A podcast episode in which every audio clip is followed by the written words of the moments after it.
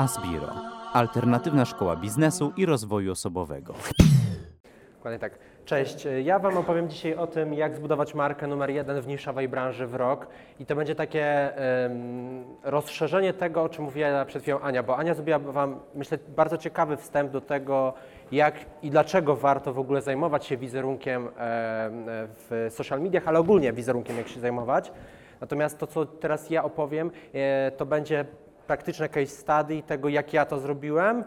E, Oczywiście mile po drodze będą wasze, e, mile widziane będą wasze pytania e, i przewiduję to zrobić tak, że będę opowiadał mm, o tym, co robiłem i po drodze będę wam zadawał kilka pytań, co wy byście, jak to robili, ale też chciałbym, żebyście, jeśli wam się pojawią takie powiedzmy większe, w sensie szersze pytania, to żebyście je zostawili na koniec, bo na koniec też przewiduję taką po prostu stricte sesję pytań. No, i to jest to. I pierwsza rzecz, o, której, o którą Was chciałbym zapytać, to, e, to czy według Was bionotka tak zwana, czyli biografia, takie coś, co się wstawia na przykład przed konferencją, jak to czytacie, czy to jest ważne? Czy według Was to jest ważne? Bionotka, czy to jest ważne? Tak, dobra, no ja się ty, z tym bardzo zgadzam, chociaż do niedawna uważałem, że to jest mało istotne. Serio, uważałem, że to jest mało istotne dopiero wtedy, kiedy zobaczyłem, że rzeczywiście ludzie to czytają. W sensie, że czytają i sprawdzałem, kogo przyjdą posłuchać i myślałem, że kiedyś ta bionotka jest mało istotna, dopiero ktoś, e, znajomi uświadomili mi, że to jest ważne. I teraz zacznę nietypowo, bo w zasadzie pierwszy raz w życiu Rozpocznę od mojej bionotki na drugim slajdzie, pierwszy raz w życiu, ale nie po to, żeby Wam pokazać, jak wygląda moja bionotka, bo gdzieś tam mogliście to wyczytać, tylko żebyśmy sobie mogli przeanalizować, jak ta bionotka wygląda i jakie ma mocne punkty i w jaki sposób według mnie, według też Was powinniście konstruować swoje bionotki. Moja bionotka wygląda w dużym uproszczeniu tak. Ja nazywam się Michał Kanarkiewicz i tak, po kolei to wygląda tak. Najpopularniejszy nauczyciel szachu w Polsce, wykładowca MBA, trener, aut- autor trzech książek, mówca inspiracyjny TEDx. Michał uczy myśleć strategicznie logicznie metodami aktywnymi. Dzięki jego metodologii zespoły zaczynają myśleć skutecznie i z szerszą perspektywą. Wykorzystują strategię szachowych mistrzów do pokazywania e, sposobów, w jaki firma może e, urosnąć. Do grona jego klientów należą międzynarodowe organizacje takie jak e, Ernst Young, Heineken, Volvo, UBS i Santander Bank, dawniej Bank Zachodnich WBK. Pytanie, co według Was tutaj, w tej bionotce, nie chodzi mi tutaj o chwalenie się moją bionotką, to nie nie w tym rzecz, co według Was tu jest mocne? Co według Was tutaj jest mocne? Konkretne metody, co jeszcze? Marki, autor trzech książek, co jeszcze tutaj jest mocne? Jakie są tutaj wzmacniacze w tej notce? Na pewno mistrzowie szachowi to przykuwa trochę uwagę. Co jeszcze? Słucham? Zdjęcie na pewno, ale to zdjęcie powiedzmy, że każdy tam sobie wrzuca gdzieś to, nie? To, to, to, to jest, no dobra, powiedzmy, okej, zdjęcie jest profesjonalne. Rozpoznawalny klient, na pewno marki mają znaczenie. Co jeszcze? Mówca, ale jaki? Inspiracyjny też, ale co jeszcze? TEDx, to jest marka. Bo większość ludzi pisze sobie mówca i jeszcze najgo- najgorzej, najgorzej mo- motywacyjne. To przecież ludzie od razu klasyfikują ich do bieda coachingu. Od razu ich wrzucają w ten worek. Więc jak już chcecie sobie napisać mówca, to albo mówca, albo mówca inspiracyjny. Jeśli jesteście, powiedzmy, z tej branży, jeśli się kręcicie.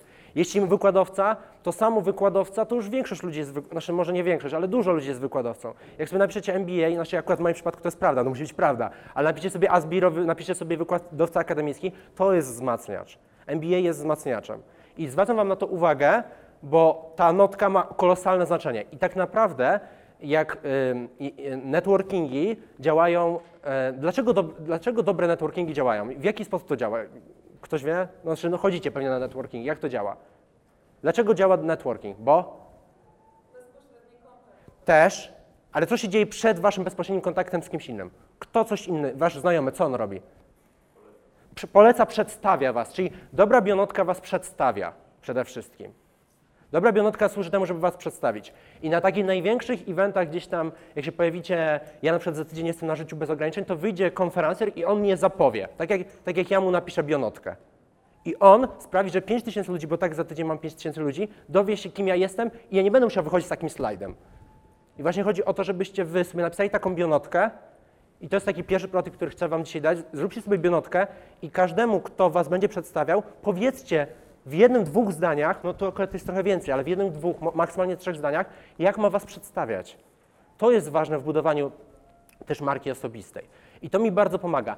E, Jak myślicie, z które z tych zdań najczęściej jest powtarzane wobec, e, w sensie jak ktoś coś o mnie mówi, to których tych zdań najczęściej jest e, mówione o mnie? Słucham?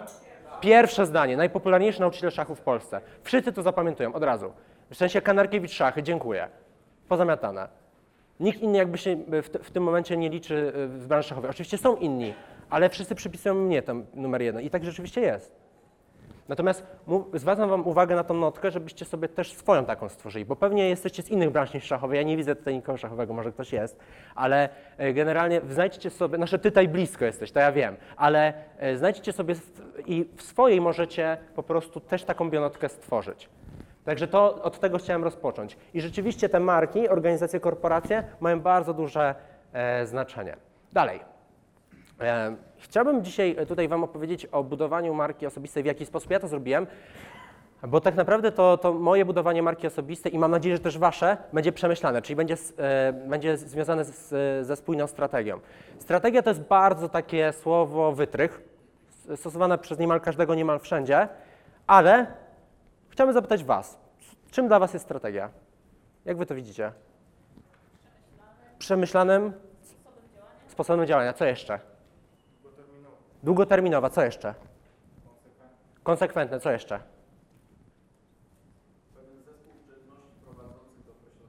Okej, trochę dłużej, trochę bardziej zawiłem, ale tak, zgadzam się. Słuchajcie, e, najpiękniejsze jest to, że to co, wszystko, co powiedzieliście, jest prawdą, bo e, definicja strategii jest tak szeroka, że e, co autor, to ma inną definicję. Ja natomiast przyjmuję taką de- definicję i nie musicie się jakby e, z niej korzystać, ale pokazuję jako inspirację, że przyjmuję, że, e, że strategia to jest sztuka skutecznego dowodzenia. I chciałbym, żeby, żebyście wy swoją marką osobistą, żebyście e, tak zarządzali nią, że ka- żeby każdy z was skutecznie ją dowodził. I teraz ważny punkt, myślę bardzo ważny. E, każdy z was tu, tu obecny, niezależnie od tego, co robicie, jest marką osobistą.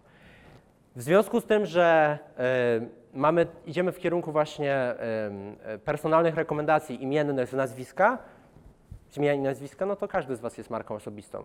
Nie wiem, czy Was zaskoczyłem, ale każdy z Was jest marką osobistą. I nieważne, czym się zajmujecie, to totalnie nie ma żadnego znaczenia. Tylko jest pytanie po prostu, czy jesteście mac, mocną marką osobistą, która no, świeci powiedzmy przykładem i jest osobą, która może dawać mocne rekomendacje innym osobom, czy raczej jesteście taką marką osobistą, która no, raczej nie, nie budzi e, zbyt pozytywnych e, emocji. I ja mam nadzieję, że ta pierwsza wersja. Natomiast e, to, co będę dzisiaj opowiadał, to będzie głównie w oparciu o markę osobistą, na której ja zbudowałem numer jeden w rok. I będę właśnie mówił o strategii bu- bu- budowania błyskawicznej marki osobistej. Wszystko się zaczyna tak naprawdę, jeśli chodzi o budowanie marki osobistej, od tego, jaka jest Wasza misja. Wiem, że to jest znowu e, bardzo szerokie pojęcie i znowu bardzo wyświetlany slogan, natomiast rzeczywiście jest tak, moim zdaniem, że misja jest bardzo, bardzo ważna i e, może powiem tak, nie, nie, nie, po- nie poświęcałbym temu e, trzech miesięcy życia, bo, bo niektórzy jakby takie rzeczy tego typu sugerują, ale warto na początku wiedzieć, do, dokąd wy zmierzacie i, i co wy chcecie zanieść tym ludziom. I teraz pokażę wam znowu na podstawie, na, na moim przykładzie, jaka była, jaka, jaką ja misję przyjąłem, jeśli chodzi o mnie. Po pierwsze, Michał Kanarkiewicz jest najbardziej popularny nauczycielem szachu w Polsce. To jest takie moje odgórne po prostu założenie, że tak ma być. Po drugie, moją misją jest propagować naukę gry, królewskiej gry, czyli szachów w Polsce i wkrótce na całym świecie. No w Polsce już w zasadzie większość ludzi mnie zna. Traktuję szachy jako narzędzie do rozwoju i tutaj ważne lekcje życiowe typu nauka przegrywania, planowania, dyscypliny i strategicznego myślenia, a nie cel sam w sobie. Moje działania mają przysłużyć się w społeczeństwie do rozwoju strategicznego myślenia tak, abyśmy mieli mądrzejsze społeczeństwo. Czyli uwaga, to jest, to, tu, tutaj jest bardzo ważny podział. Y, W tej misji myślę, że warto w co najmniej trzech obszarach się zastanowić, co wy chcecie dać ludziom. Po pierwsze, y, trochę egoistycznie pomyśleć, co ma to dla was, y, co ma to wam dać, no bo y, wiem, że niektórzy mówią tylko myślcie o ludziach, ale z drugiej strony to się na końcu po prostu rozjeżdża. Jeśli tylko myślicie o ludziach, a nie, a nie też o sobie, to to się rozjedzie. Takie biznesy typowo na pasji to się rozjeżdżają, y, w sensie takie tylko dla, dla ludzi. Musi być też taki element egocentryzmu, moim zdaniem, który pozwoli wam wytrwać w trudnych momentach. I ja rozpocząłem od tego, że wiedziałem, dokąd ja chcę dojść. Po drugie, wiedziałem, e, co chcę, żeby e, e, kraj nasz osiągnął, a po trzecie też wiedziałem, jaką wartość chcę dać ludziom. Czyli to, żeby szachy wykorzystywać jako narzędzie do, do rozwoju. I e, ostatni punkt. Działalność, którą prowadzę, jest skierowana do dwóch grup odbiorców. Z jednej strony do rodziców, e, e, którzy wychowują dzieci, przyszłość naszego narodu, żeby właśnie uczyć gry w szachy i, strategicznego myślenia już od, od dziecka, zaś z drugiej strony do dorosłych już osób, które chcą być bardziej skuteczne w życiu poprzez naukę strategicznego myślenia. Czyli wszystko zamyka się wokół strategicznego myślenia, tylko są jakby dwie grupy odbiorców. Z jednej strony rodzice, którzy i, i nauczyciele, sfera edukacji, która wpływa od samego dzieciństwa na wychowywanie dzieci, jeśli chodzi właśnie, można tu wykorzystać szachy, a z drugiej strony biznes taki twardy, że gdzieś tam po prostu w korporacjach przychodzę i prowadzę szkolenia i, i tam też uczę właśnie strategicznego myślenia. I od razu do konkretów, bo wiem, że bardzo tutaj zostałem uprzedzony, że lubicie mięcho, więc żadnego pitu pierdu. E, trzy kroki milowe do tego, żeby rzeczywiście zbudować tą markę numer jeden. I tutaj po kolei będziemy przechodzić przez różne etapy. Ja będę, trochę jest na slajdach, ale też dużo będzie do powiadania. I to, co Wam proponuję, to żebyście sobie sporo notowali, bo ja będę bardzo dużo rzeczy takich dodawał poza slajdami. I tak, po pierwsze, moim, e, moim zdaniem, pierwszym krokiem milowym takim do budowania e, marki osobistej numer jeden w krótkim czasie jest zbudowanie spo, społeczności poprzez influencerów i, i media. Oczywiście to znowu jest bardzo szerokie pojęcie, ale będziemy, przechodzić po, e, będziemy to przechodzić i będę pokazał konkretnie, jak to robić. To, co jest ważne, zobaczcie. W tym pierwszym zdaniu już Wam nakreślam, że nie będziecie robić tego sami, tylko poprzez, poprzez influencerów. Jeśli chcecie budować błyskawicznie markę osobistą, to sami jest to bardzo trudne do osiągnięcia, w sensie samodzielnie, jakby tylko na własnych barkach. Raczej warto, szczególnie teraz w 2018 roku, poszukać ludzi, którzy już mają społeczności, które prawdopodobnie albo inaczej podejrzewacie, że mogą być zainteresowane Waszą działalnością.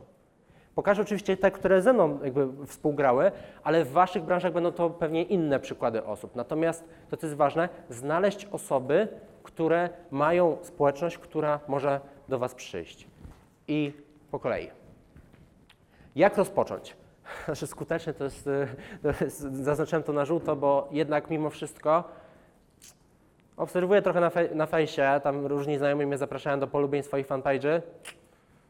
No i tak, kurczę, nie jest to zbyt mm, dobrze zrobione. Tak, będę szczery, ja wiem, że trochę będę jechał po bandzie i, i często będę dzisiaj jechał po bandzie, ale większość to, to jest, przepraszam, ale do dupy zrobione.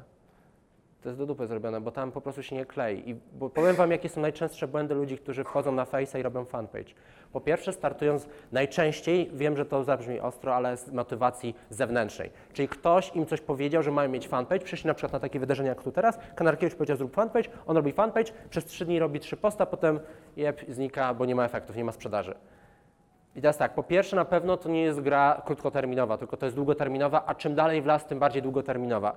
Bo, bo ja startowałem na fejsie e, tak mocno w zeszłym roku i wtedy koszt, jeśli chodzi o wyświetlenia reklamy, był znacznie niższy niż teraz. Teraz Facebook, tak jak powiedziała Ania słusznie, e, obcina zasięgi, no bo po prostu afera Cambridge i inne sp- sprawiły, że po prostu e, Facebook no, musi jakby zmieniać swoje mm, regulacje prawne, ale wciąż jest tam kopalnia kasy kopalnia kasy dla waszych biznesów. I e, to, co jest ważne, to żebyście byli bardzo oryginalni. Mówiąc w skrócie, wyróżnij się albo zgiń. Jeśli tego nie zrobicie, to to jest pozamiatane. Przecież fanpage na fejsie jest tak dużo, a ja widzę kolejne osoby, e, które na przykład zakładają fanpage typu em, nie wiem, em, e, X, e, znaczy Jan Kowalski, myśl, Jan Kowalski, myślnik, trener, nie wiem, fitnessu, albo trener, nie wiem, e, nie wiem, jakiś mówca, albo nie wiem, albo, albo coach, albo coś. To nie działa. To nie działa. Musicie by się wyróżnić. I to, co na początku sugeruję, to jest bardzo konkretne, to żebyście mieli imię i nazwisko, im, jeśli zakładamy, że robicie markę osobistą. Imię, nazwisko, myślnik, to, czym się zajmujecie. A dopiero później, ja to zrobiłem niedawno dopiero tą zmianę, że zdjąłem ten drugi człon. U mnie to było tak, Michał Kanarkiewicz, myślnik, nauczyciel szachów. Dopiero od niedawna mam tylko samo Michał Kanarkiewicz. Dlaczego?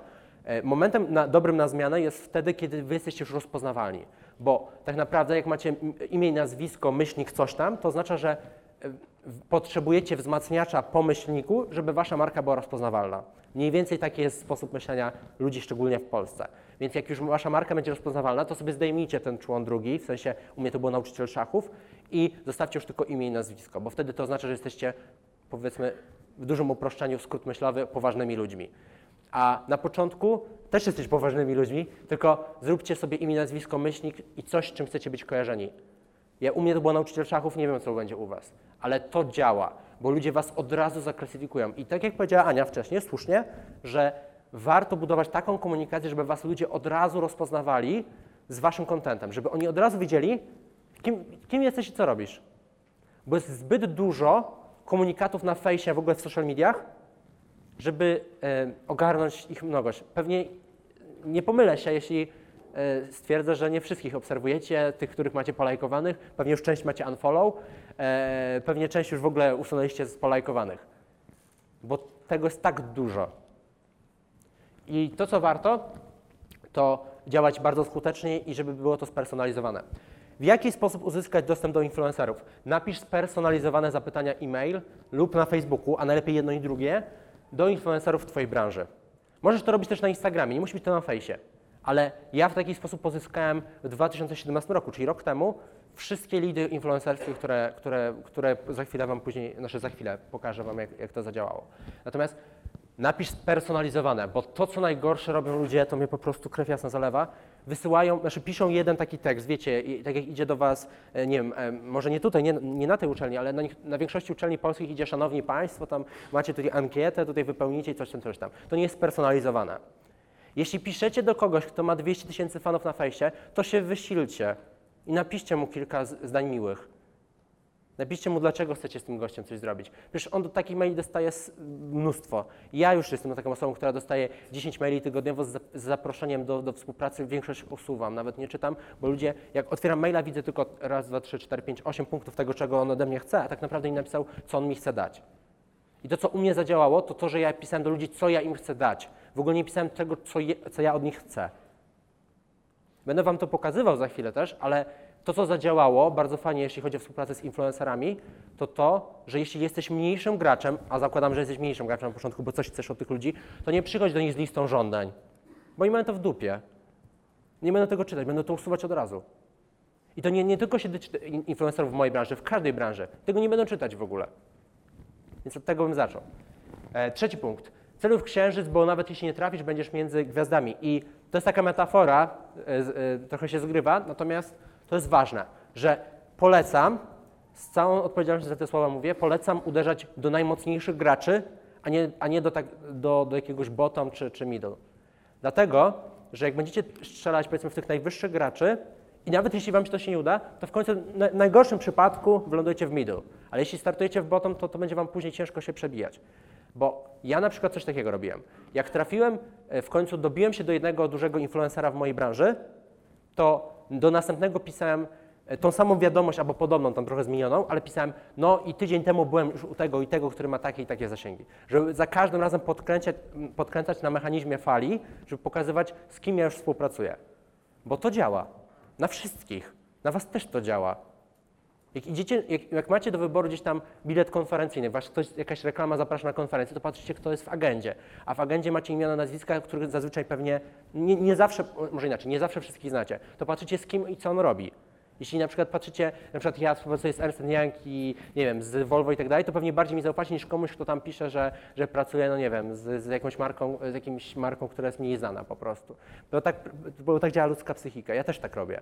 Bo my nie, bo, bo my nie jak, jak pisze to słusznie Daniel Kahneman w, w pułap- pułapkach myślenia, mamy dwa systemy e, decyzji i e, w tym pierwszym takim szybkim e, podejmujemy szybkie decyzje na podstawie naszych przeszłych doświadczeń i my najczęściej korzystamy z tego pierwszego, bo drugi wymaga już, wymaga już naszego dogłę- dogłębnej analizy. My najczęściej wybieramy krótkie, szybkie decyzje, które pozwalają nam przeżyć.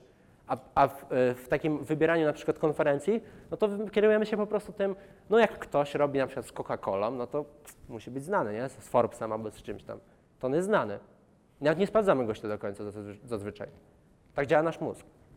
I to zazwyczaj pomaga, a propos. To nie jest tak, że to jest jakaś ściana, tylko zazwyczaj to po prostu pomaga nam szybciej podejmować skuteczne decyzje.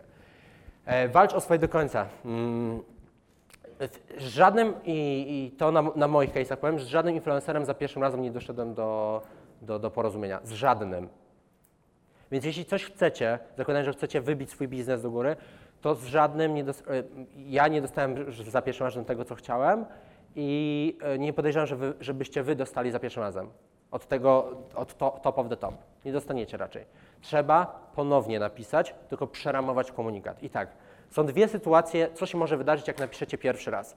Albo gość was kompletnie oleje, to piszecie jeszcze raz podobną wiadomość, ale grzecznie, z taką też trochę pokorą. Albo druga sytuacja, kiedy asystentka odpisze, że ten, ta pani, ten pan nie ma czasu.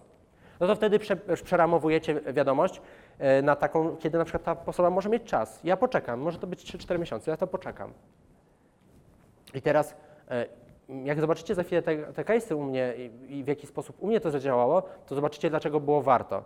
Bo te osoby, do, e, te top of the top mają największe zasięgi i sprawiają, że wy rośniecie. Czy ktoś z Was może tutaj kojarzy Pawła Tkaczyka? Ręka do góry? Okej, no to Paweł Tkaczyk pisze, pisze i mówi bardzo ciekawie o takiej strategii odbijania światła księżyca. Czyli o tym, żeby korzystać z światła, które odbija e, inna osoba. Że jak powiedzmy jest jakiś superstar, osoba znana, to my możemy to światło tej osoby wziąć sobie do siebie. I właśnie o to chodzi ze współpracy ze znanymi osobami, z influencerami. Kolejne. Influencerzy mają wiele takich zapytań. Tak jak powiedziałem, oni dostają mnóstwo takich maili. Większość nie czyta, usuwa. To, co Wam polecam, co u mnie zadziałało, to bardzo krótkie maile i tylko piszecie o potrzebach tej osoby. Czyli na przykład, jak ja y, no, chciałem edukować z gry w szachy, to pisałem do, do, konkretnie do blogerek parentingowych, do największych w Polsce i proponowałem im lekcje gry w szachy dla ich dzieci, zakładając, że mają dzieci w wieku, który się nadaje do gry w szachy, w sensie 3+. Jasne. Influencer to jest osoba, która w dużym uproszczeniu e, ma, w, potrafi wywierać realny wpływ na decyzje zakupowe swoich klien- e, swojej, swojej grupy odbiorców. I influencer oczywiście, czym większą ma grupę odbiorców, tym jest mocniejszy. No i ja celowałem w takich największych graczy. I ja po prostu celowałem w, bloge, w blogerki parentingowe, które no siłą rzeczy mają największe zasięgi. I też w ich grupach, skoro one są matkami, no to u nich też jest najwięcej kobiet, tak, które są jakby w stanie e, później zdecydować się powiedzmy albo na moją książkę, albo na moją usługę, tak? Za chwilę będzie. Za chwilę będzie cała lista tych blogerek. I do pytu nie odpuszczaj. Tak jak mówię, przy pierwszej próbie raczej, raczej bez szans, żeby się dobić. Trzeba walczyć do samego końca. I nie- ma, nie ma raczej opcji, żeby przy pierwszym razem was wpuścili. Zanim przejdziemy do blogera, chciałem Wam opowiedzieć teraz o zdjęciach, to co jest bardzo, bardzo ważne. Ja nie jestem jakimś modelem, czy tam, nie wiem, jakimś, wiecie, nie biją się o, o mnie największe te agencje, ag, agencje, agencje, wiecie, jakieś tam reklamowe. Natomiast chciałbym Wam pokazać, w jaki sposób warto po moich doświadczeniach robić e, selfie i, i w ogóle zdjęcia, bo to jest bardzo ważne. Wy się możecie z tego teraz śmiać, ale to jest mega ważne i to robi dużą różnicę. I teraz to akurat selfie jest, e, z, a propos z modelem z Norwegii, w sensie to jest mistrz świata w szachach, ten gość po prawej, to, po lewej to jestem ja, po prawej jest Magnus Carlsen, aktualny mistrz świata w szachach. I to zdjęcie mi bardzo dużo rzeczy pomogło też później zrobić, bo chociaż z kontekstu tego zdjęcia jakby nie, nie, pewnie nie wiecie, że on, on gra w szachy, czy ja gram w szachy, ale e, na tym zdjęciu bardzo dużo rzeczy później sobie ugrałem. I warto mieć właśnie, tak jak mówiłem, zdjęcia z influencerami. Na przykład w szachach to jest jeden z największych, największych influencerów. Ale tego pana już możecie znać. Czy wiecie, kto to jest po prawej stronie? Gary Kasparow, dokładnie. Na tym zdjęciu najwięcej pieniędzy zarobiłem. Na tym zdjęciu. Ono jest beznadziejne. Ja wyglądam na nim beznadziejnie, mam ucięte ucho. Kasparow się w ogóle y, smuci, że ze mną jest na tym zdjęciu, ale najwięcej kasy na nim zrobiłem. No bo jest autorytet, tak? Autorytet Gary'ego Kasparowa. I gdziekolwiek nie mówię o Garym Kasparowie, pokazuję to zdjęcie, więc to stwierdzę. Więc wy skrótem myślamy, myślicie, że ja jestem prawie tak zajebisty jak on. E, Ten pan z tyłu, nie wiem co on tam robi, ale to było zdjęcie zrobione w Londynie. E, W każdym razie e, zdjęcie z Garym Kasparowem. I teraz, jeśli wy w waszej branży możecie mieć z kimś takim zdjęcie, to bardzo pomaga. Bardzo pomaga budować wasz autorytet. Dal- tak, o właśnie. Dobre, dobre, dobre, dobre, dobre. Brawo dla tego pana, brawo. Od dziś Bill Gates, od dziś Bill Gates. Zobacz, słuchajcie, tam jest Bill Gates i on tam e, sprząta nasze ciuchy. On tam sprzeda nasze ciuchy. Dobra. No, mój szalik, dokładnie, no właśnie, dobra. Azmiro, uspokójcie się. Lecimy dalej. E, kolejne zdjęcie, już trochę inne. Zobaczcie. E, to zdjęcie pokazuje mnie grającego, grającego z dzieckiem na. E, czy kojarzycie taką e, konferencję jak Block Conference 2018 w tym roku było w Poznaniu? Kwiecień. Ktoś był? Może ktoś kojarzy? Dobra, byłeś, super. To to jest zdjęcie, które zrobione jest właśnie tam i rzecz jest w tym, że znowu to zdjęcie jest z konferencji jest, jestem ja z dzieckiem i teraz to, co jest ważne. Jest emocja, jest piątka i są moje banery na tym zdjęciu. I chodzi o to, żebyście wy dbali o zdjęcia, gdzie wy jesteście promowani. Bo to jeden z najczęstszych błędów na zdjęciach, które ja widzę u ludzi, którzy mają zdjęcia z eventów. Jeśli to jest możliwe, to miejcie swoje banery, promujcie siebie, a nie kogoś. Najczęściej to, co ja widzę, to wrzucacie, e, mówię ogólnie, nie, nie ty, ty, ja widzę dużo osób, to robi na fejsie. Wrzuca zdjęcie, ja też tak kiedyś robiłem, z Marcinem Gortatem wrzuciłem kiedyś zdjęcie i napisałem sobie, no Marcin Gortat jest taki zajebisty zawodnik z NBA, on zarabia, jest drugim najlepiej zarabiającym y, sportowcem w Polsce, a ja jestem przy nim taki mały karzełek. What the fuck, no po co? Po co coś takiego robić? To robimy mu marketing, a nie sobie. No okej, on jest znany, on jest potrzebny, ważny i tak dalej, ale napiszmy, że spotkaliśmy, no porozmawialiśmy sobie, to było ciekawe i coś tam. Jakąś lekcję z tej rozmowy. To wtedy to ma wartość po pierwsze dla waszej społeczności, a po drugie y, inaczej was buduje. Tego akurat mnie nauczył kiedyś Marcin Osman. Pewnie kojarzycie Marcina, pewnie część z was kojarzy. To on mi kiedyś to wybił z głowy. Nie pisanie, że Gortat jest y, wielki, a jestem karzeł, albo coś takiego. No jakaś bzdura, no nie budujcie swojego brandu wtedy. Także Marcina też a propos polecam. Marcin bardzo konkretny jest. Dalej. Nawet jak już macie swoje zdjęcia, to znowu mój baner i moje nazwisko wali wam po oczach. Z moją książką jeszcze, co ciekawe. Dalej. Paweł Tkaczyk, o nim mówiłem. Proszę bardzo. Tylko jakie to zdjęcie? Przy szachach. Gość, przy, ja nie wiem, czy znaczy Paweł Tkaczyk potrafi grać w szachy, ale zdjęcie zrobiłem z nim przy szachownicy. A nie gdzieś tam na rolapie, nie wiem, agencji marketingowej albo jakiejkolwiek innej. Tylko przy szachownicy. I wam to pokazuję nie po to, żeby się chwalić, bo ja tych zdjęć mam mnóstwo. Po co mi się chwalić tym? Wejdziecie na mojego face'a, spoko. Ale pokazuję wam, w jaki sposób można to sobie budować. Miejcie jakiś swój przenośny gadżet, fajnie jest to mieć. Ja na przykład mam szachy, akurat nie mam problemu z tym, mam szachy. Nie, to są szachy rozłożone. I chodzi o to, że jeśli to możliwe, to miejcie ten swój gadżet przy sobie i zdjęcia miejcie z tym gadżetem, żeby ludzie was w tym utożsamiali. I na przykład, jak, bo akurat tak się złożyło, że ja byłem też prelegentem na tej konferencji i Paweł Tkaczyk też był i myśmy robili wywiad, w sensie ze mną i z Pawłem robiono wywiad do telewizji i zrobiliśmy go przy szachownicy. No przecież top of the top, nie da się lepszego wywiadu zrobić przy szachownicy. Już nieważne, co myśmy tam gadali, to nie ma znaczenia. Ludzie zapamiętaj, że szachy. Ja sobie wziąłem trochę światło od, od Pawła. Dalej. Kojarzycie tego pana? Okej, on jest mniej znany, ale to jest Daniel Kędzierski, najbardziej, naj, chyba największy wymia- ogarniacz wymiatacz Facebooka w Polsce, Fastone, takie narzędzie. No i znowu, e, robimy sobie zdjęcie, niby jakieś tam niepozorne z konferencji, moje roll-upy. Tego pana kojarzycie? No, do Rahima, Rahim Coin, wiecie, od, od, odrahimowało się, od, odcoiniło i tak dalej. W każdym razie Rahima też kojarzycie na moich banerach. O tym panu już dzisiaj było. Kto to jest po lewej stronie? Michał Sadowski, dokładnie, bam, moje nazwisko na, na rolapie z tyłu.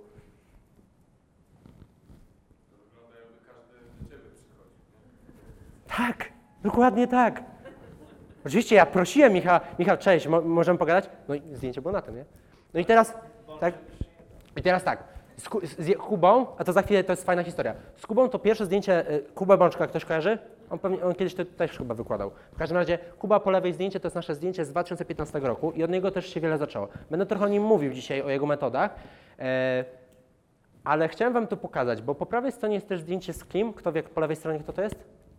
Otylia Jędrzejczak. I zobaczcie, to są zdjęcia z 2015. To są moje zdjęcia, jak robiłem kiedyś i jak większość ludzi robi to w tej chwili. Czyli walą na banerach innych osób. I oczywiście nie zawsze się da mieć na swoich, czy tam ze swoim atrybutem. Ale tak wyglądają moje zdjęcia. I one są ok, same w sobie są ok. Ale chci- te poprzednie zdjęcia chyba trochę lepiej robią mm, brandingowo, nie? I... E, Szachy z przodu to i dorobiłem, tak. Także wiecie, no gdzieś tam podświadomie też wam wkładam te szachy. Słuchajcie, ale to co jest ważne, to w tym roku byłem u Kuby, to jest znowu Kuba po środku, po, po, po lewej stronie, e, po, po lewej stronie Kuby jest moja mama, jestem ja po prawej i zobaczcie, tu są Kuby banery, nie? W sensie Kuby Bączka. Okej, ja to akceptuję, raz na jakiś czas takie zdjęcia też okej, no bo ludzie też sobie robią na moich i też wrzucają zdjęcia, to jest okej. Ale zobaczcie, Kuba na tym evencie właśnie e, zrobił coś takiego, że na jednym ze slajdów e, w swojej prezentacji o właśnie o personal brandingu powiedział o mnie. Bam, tam jest mój, mój, mój ryj na, w tle, na, na, na slajdzie. O mnie mówił. I uwaga, selfie z tym sel, slajdem, nie? No i Facebook od razu wybuchł, tak? Po takim, po takim zdjęciu.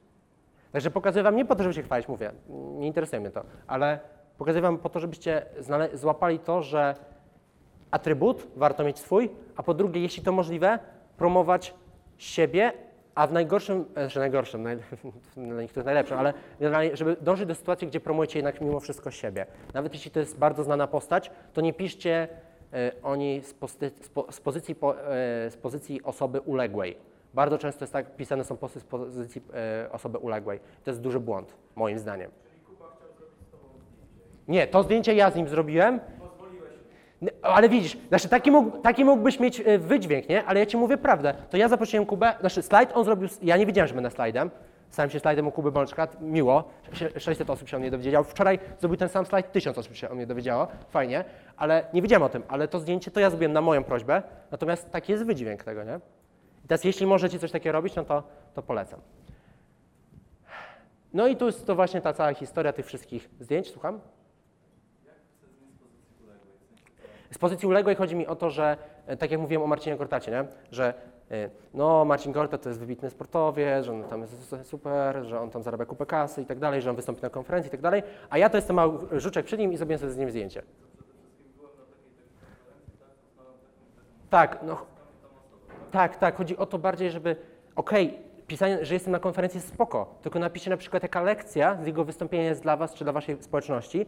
Po pierwsze, zaplusujecie, bo dacie wartość, a nie kolejne z, y, zdjęcie selfiaka, albo niektórzy jak mówią samojebki na Face'a, tylko wrzucicie zdjęcie z kimś znanym i plus dacie mu lekcję z tego wystąpienia, czyli da, sprawicie, że ta osoba, która nie mogła z różnych powo- powodów być na tej y, prelekcji, dowie się czegoś nowego, a po drugie, dajcie też możliwość sobie, waszemu brandowi rośnięcia. To mi bardzo pomogło. Tak, że, co, że coś wiecie, a nie, że tylko reklamujecie kogoś tam, nie? bo to bez sensu. E, dlaczego społeczność? I za chwilę będzie taka pierwsza chwila na, na, na, na pytanka też. Jest wizytówką waszej, waszej marki, takiej osobistej. Po drugie, pomaga znajdować pomysły na produkty. Kto gdzieś tam mnie śledzi na fejsie, a jeśli nie, to, to oczywiście zapraszam, to ja bardzo często pytam moją społeczność, co oni chcą. I na przykład nigdy w życiu bym nie wpadł na, na pomysł taki, że do mojej książki pierwszej, którą napisałem w ubiegłym roku, w tej chwili już mam cztery, ale jakby to mniejsza z tym, w każdym razie, e, że ma być słowniczek pojęć szachowych. What? A oni tego chcieli. Albo inaczej, że po napisaniu pierwszej książki, która stała się bestsellerem, że chcą zeszytu ćwiczeń, czyli rozszerzenie mojej książki. Społeczność mi to powiedziała. Proste pytanie. Cześć, kochani. E, Szukam pomysłu na nowy produkt, e, czy e, nasz produkt. E, m, Szukam pomysłu na coś nowego. Chcę zro- zrobić dla Was coś wartościowego. Co byście chcieli, o czym chcielibyście przeczytać, zobaczyć, dowiedzieć się? Proszę bardzo. I oni Wam sami napiszą, co oni chcą. Bo po co Wy macie tworzyć produkty, które Wam się wydają, że są Wam im potrzebne, jak możecie do, dostać od nich feedback, co oni chcą. E, wspieraj dopinguje. To mówiła też o tym fajnie Ania, że cokolwiek się wydarzy, to jeśli macie fajną społeczność, się pojawi hejt, to oni wskakują i was bronią. To jest bardzo ważne. Natomiast moje takie rozszerzenie tej, e, te, tego punktu jest e, o tyle, no nie wiem, powiedzmy, mm, nie wiem, ja mam takie doświadczenia, może powiem tak, że społeczność za wami wskakuje pod warunkiem, że wy jesteście bardzo zżyci z tą społecznością i że wy się angażujecie e, w, w ich życie, mówiąc w cudzysłowie. Czyli to też Marcin mi kiedyś wyjaśnił, bardzo, bardzo polecam też Marcina Osmana. E, On mi kiedyś powiedział, że jak ktoś komentuje pod moim postem, pod moim wpisem gdziekolwiek, na jakikolwiek social media, pisze mi maila czy cokolwiek, to może nie tyle obowiązkiem, co bardzo warto to zrobić, żeby odpisywać na każdy komentarz. Ktoś Wam poświęca czas, żeby skomentować Wasz post, żeby napisać Wam kilka miłych słów, no to to jest Wasz największy zasób w internecie. To jest Wasz największy zasób. Ci ludzie, którzy Wam komentują. Najnowsza konferencja Facebooka, która się odbyła kilka tygodni temu, mówi o tym, że najbardziej wartościowe w tej chwili i najbardziej liczące się w postach facebookowych będą komentarze. Więc warto mocno stawić na postawić na komentarze.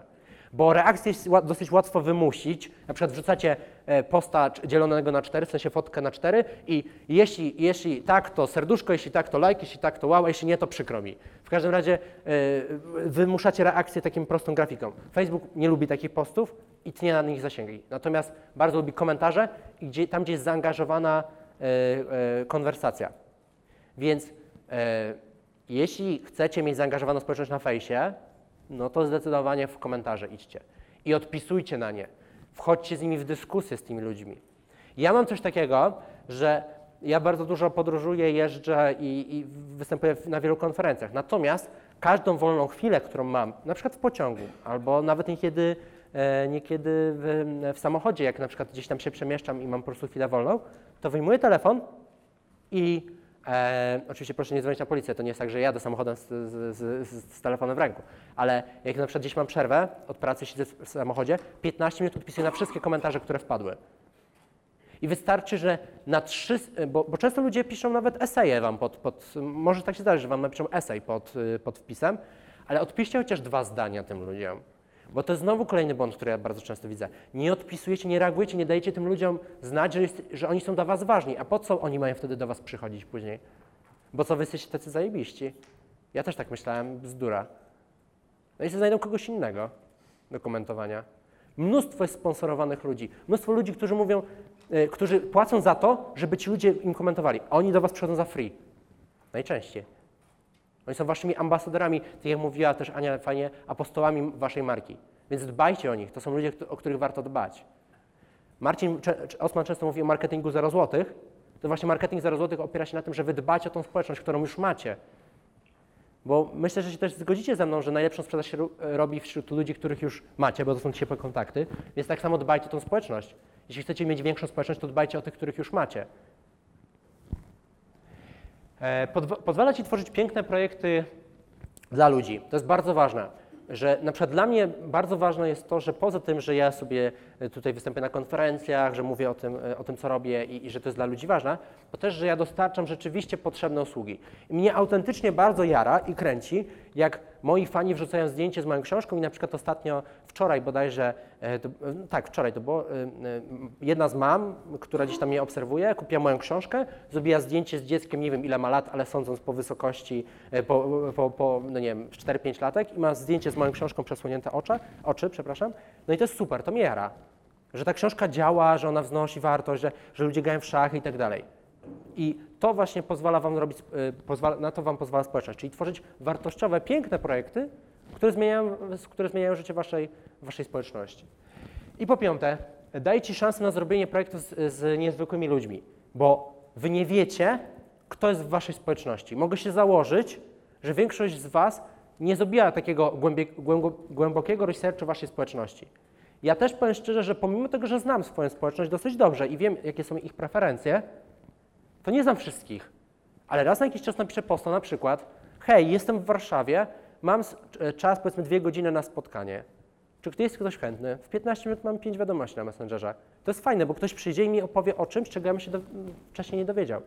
Czasem jest tak, że piszę na Facebooku posta, hej, jadę do Krakowa, mogę sobie kupić hotel, ale równie dobrze fajnie by było, gdybym mógł kogoś zamieszkać, kogoś poznać i przy okazji też, no wiadomo, kasa mi zostaje w portfelu, nie? Nie chodzi głównie o kasę, ale jakby o spotkanie się z kimś innym, z nowym człowiekiem. To jest moja społeczność, ja czasem po prostu do nich wychodzę. Więc e, Marcin Osman, ja do niego często wracam, bo on naprawdę mądrze mówi. On coś takiego powiedział, że jego celem budowania społeczności jest to, że jeśli jego firma się załamie, jeśli on upadnie, jeśli mu się skończy kasa, to on chce, żeby jego społeczność było stać, na, żeby oni byli na tyle mu ufali, żeby w przeciągu 24 godzin zebrali kasę na roczne, na roczne życie. W sensie na, na, na byt jego rodziny. No i prawdopodobnie tak było. On zrobił ostatnio test. Zalał mu się laptop i oni chyba w dwie godziny zebrali kasę w społeczności na nowego laptopa. Przecież on mógł sobie kupić na swojego, ma kasę. Tylko on wolał powiedzieć, że z tego laptopa tworzą się treści, wartościowe treści dla jego społeczności i chciałby, żeby to jest społeczność zasponsorowana, skoro czerpią z jego wiedzy. No każdy wpłacił po 2, 3, 5 dych i było. Się zebrano na nowego lapka bez problemu.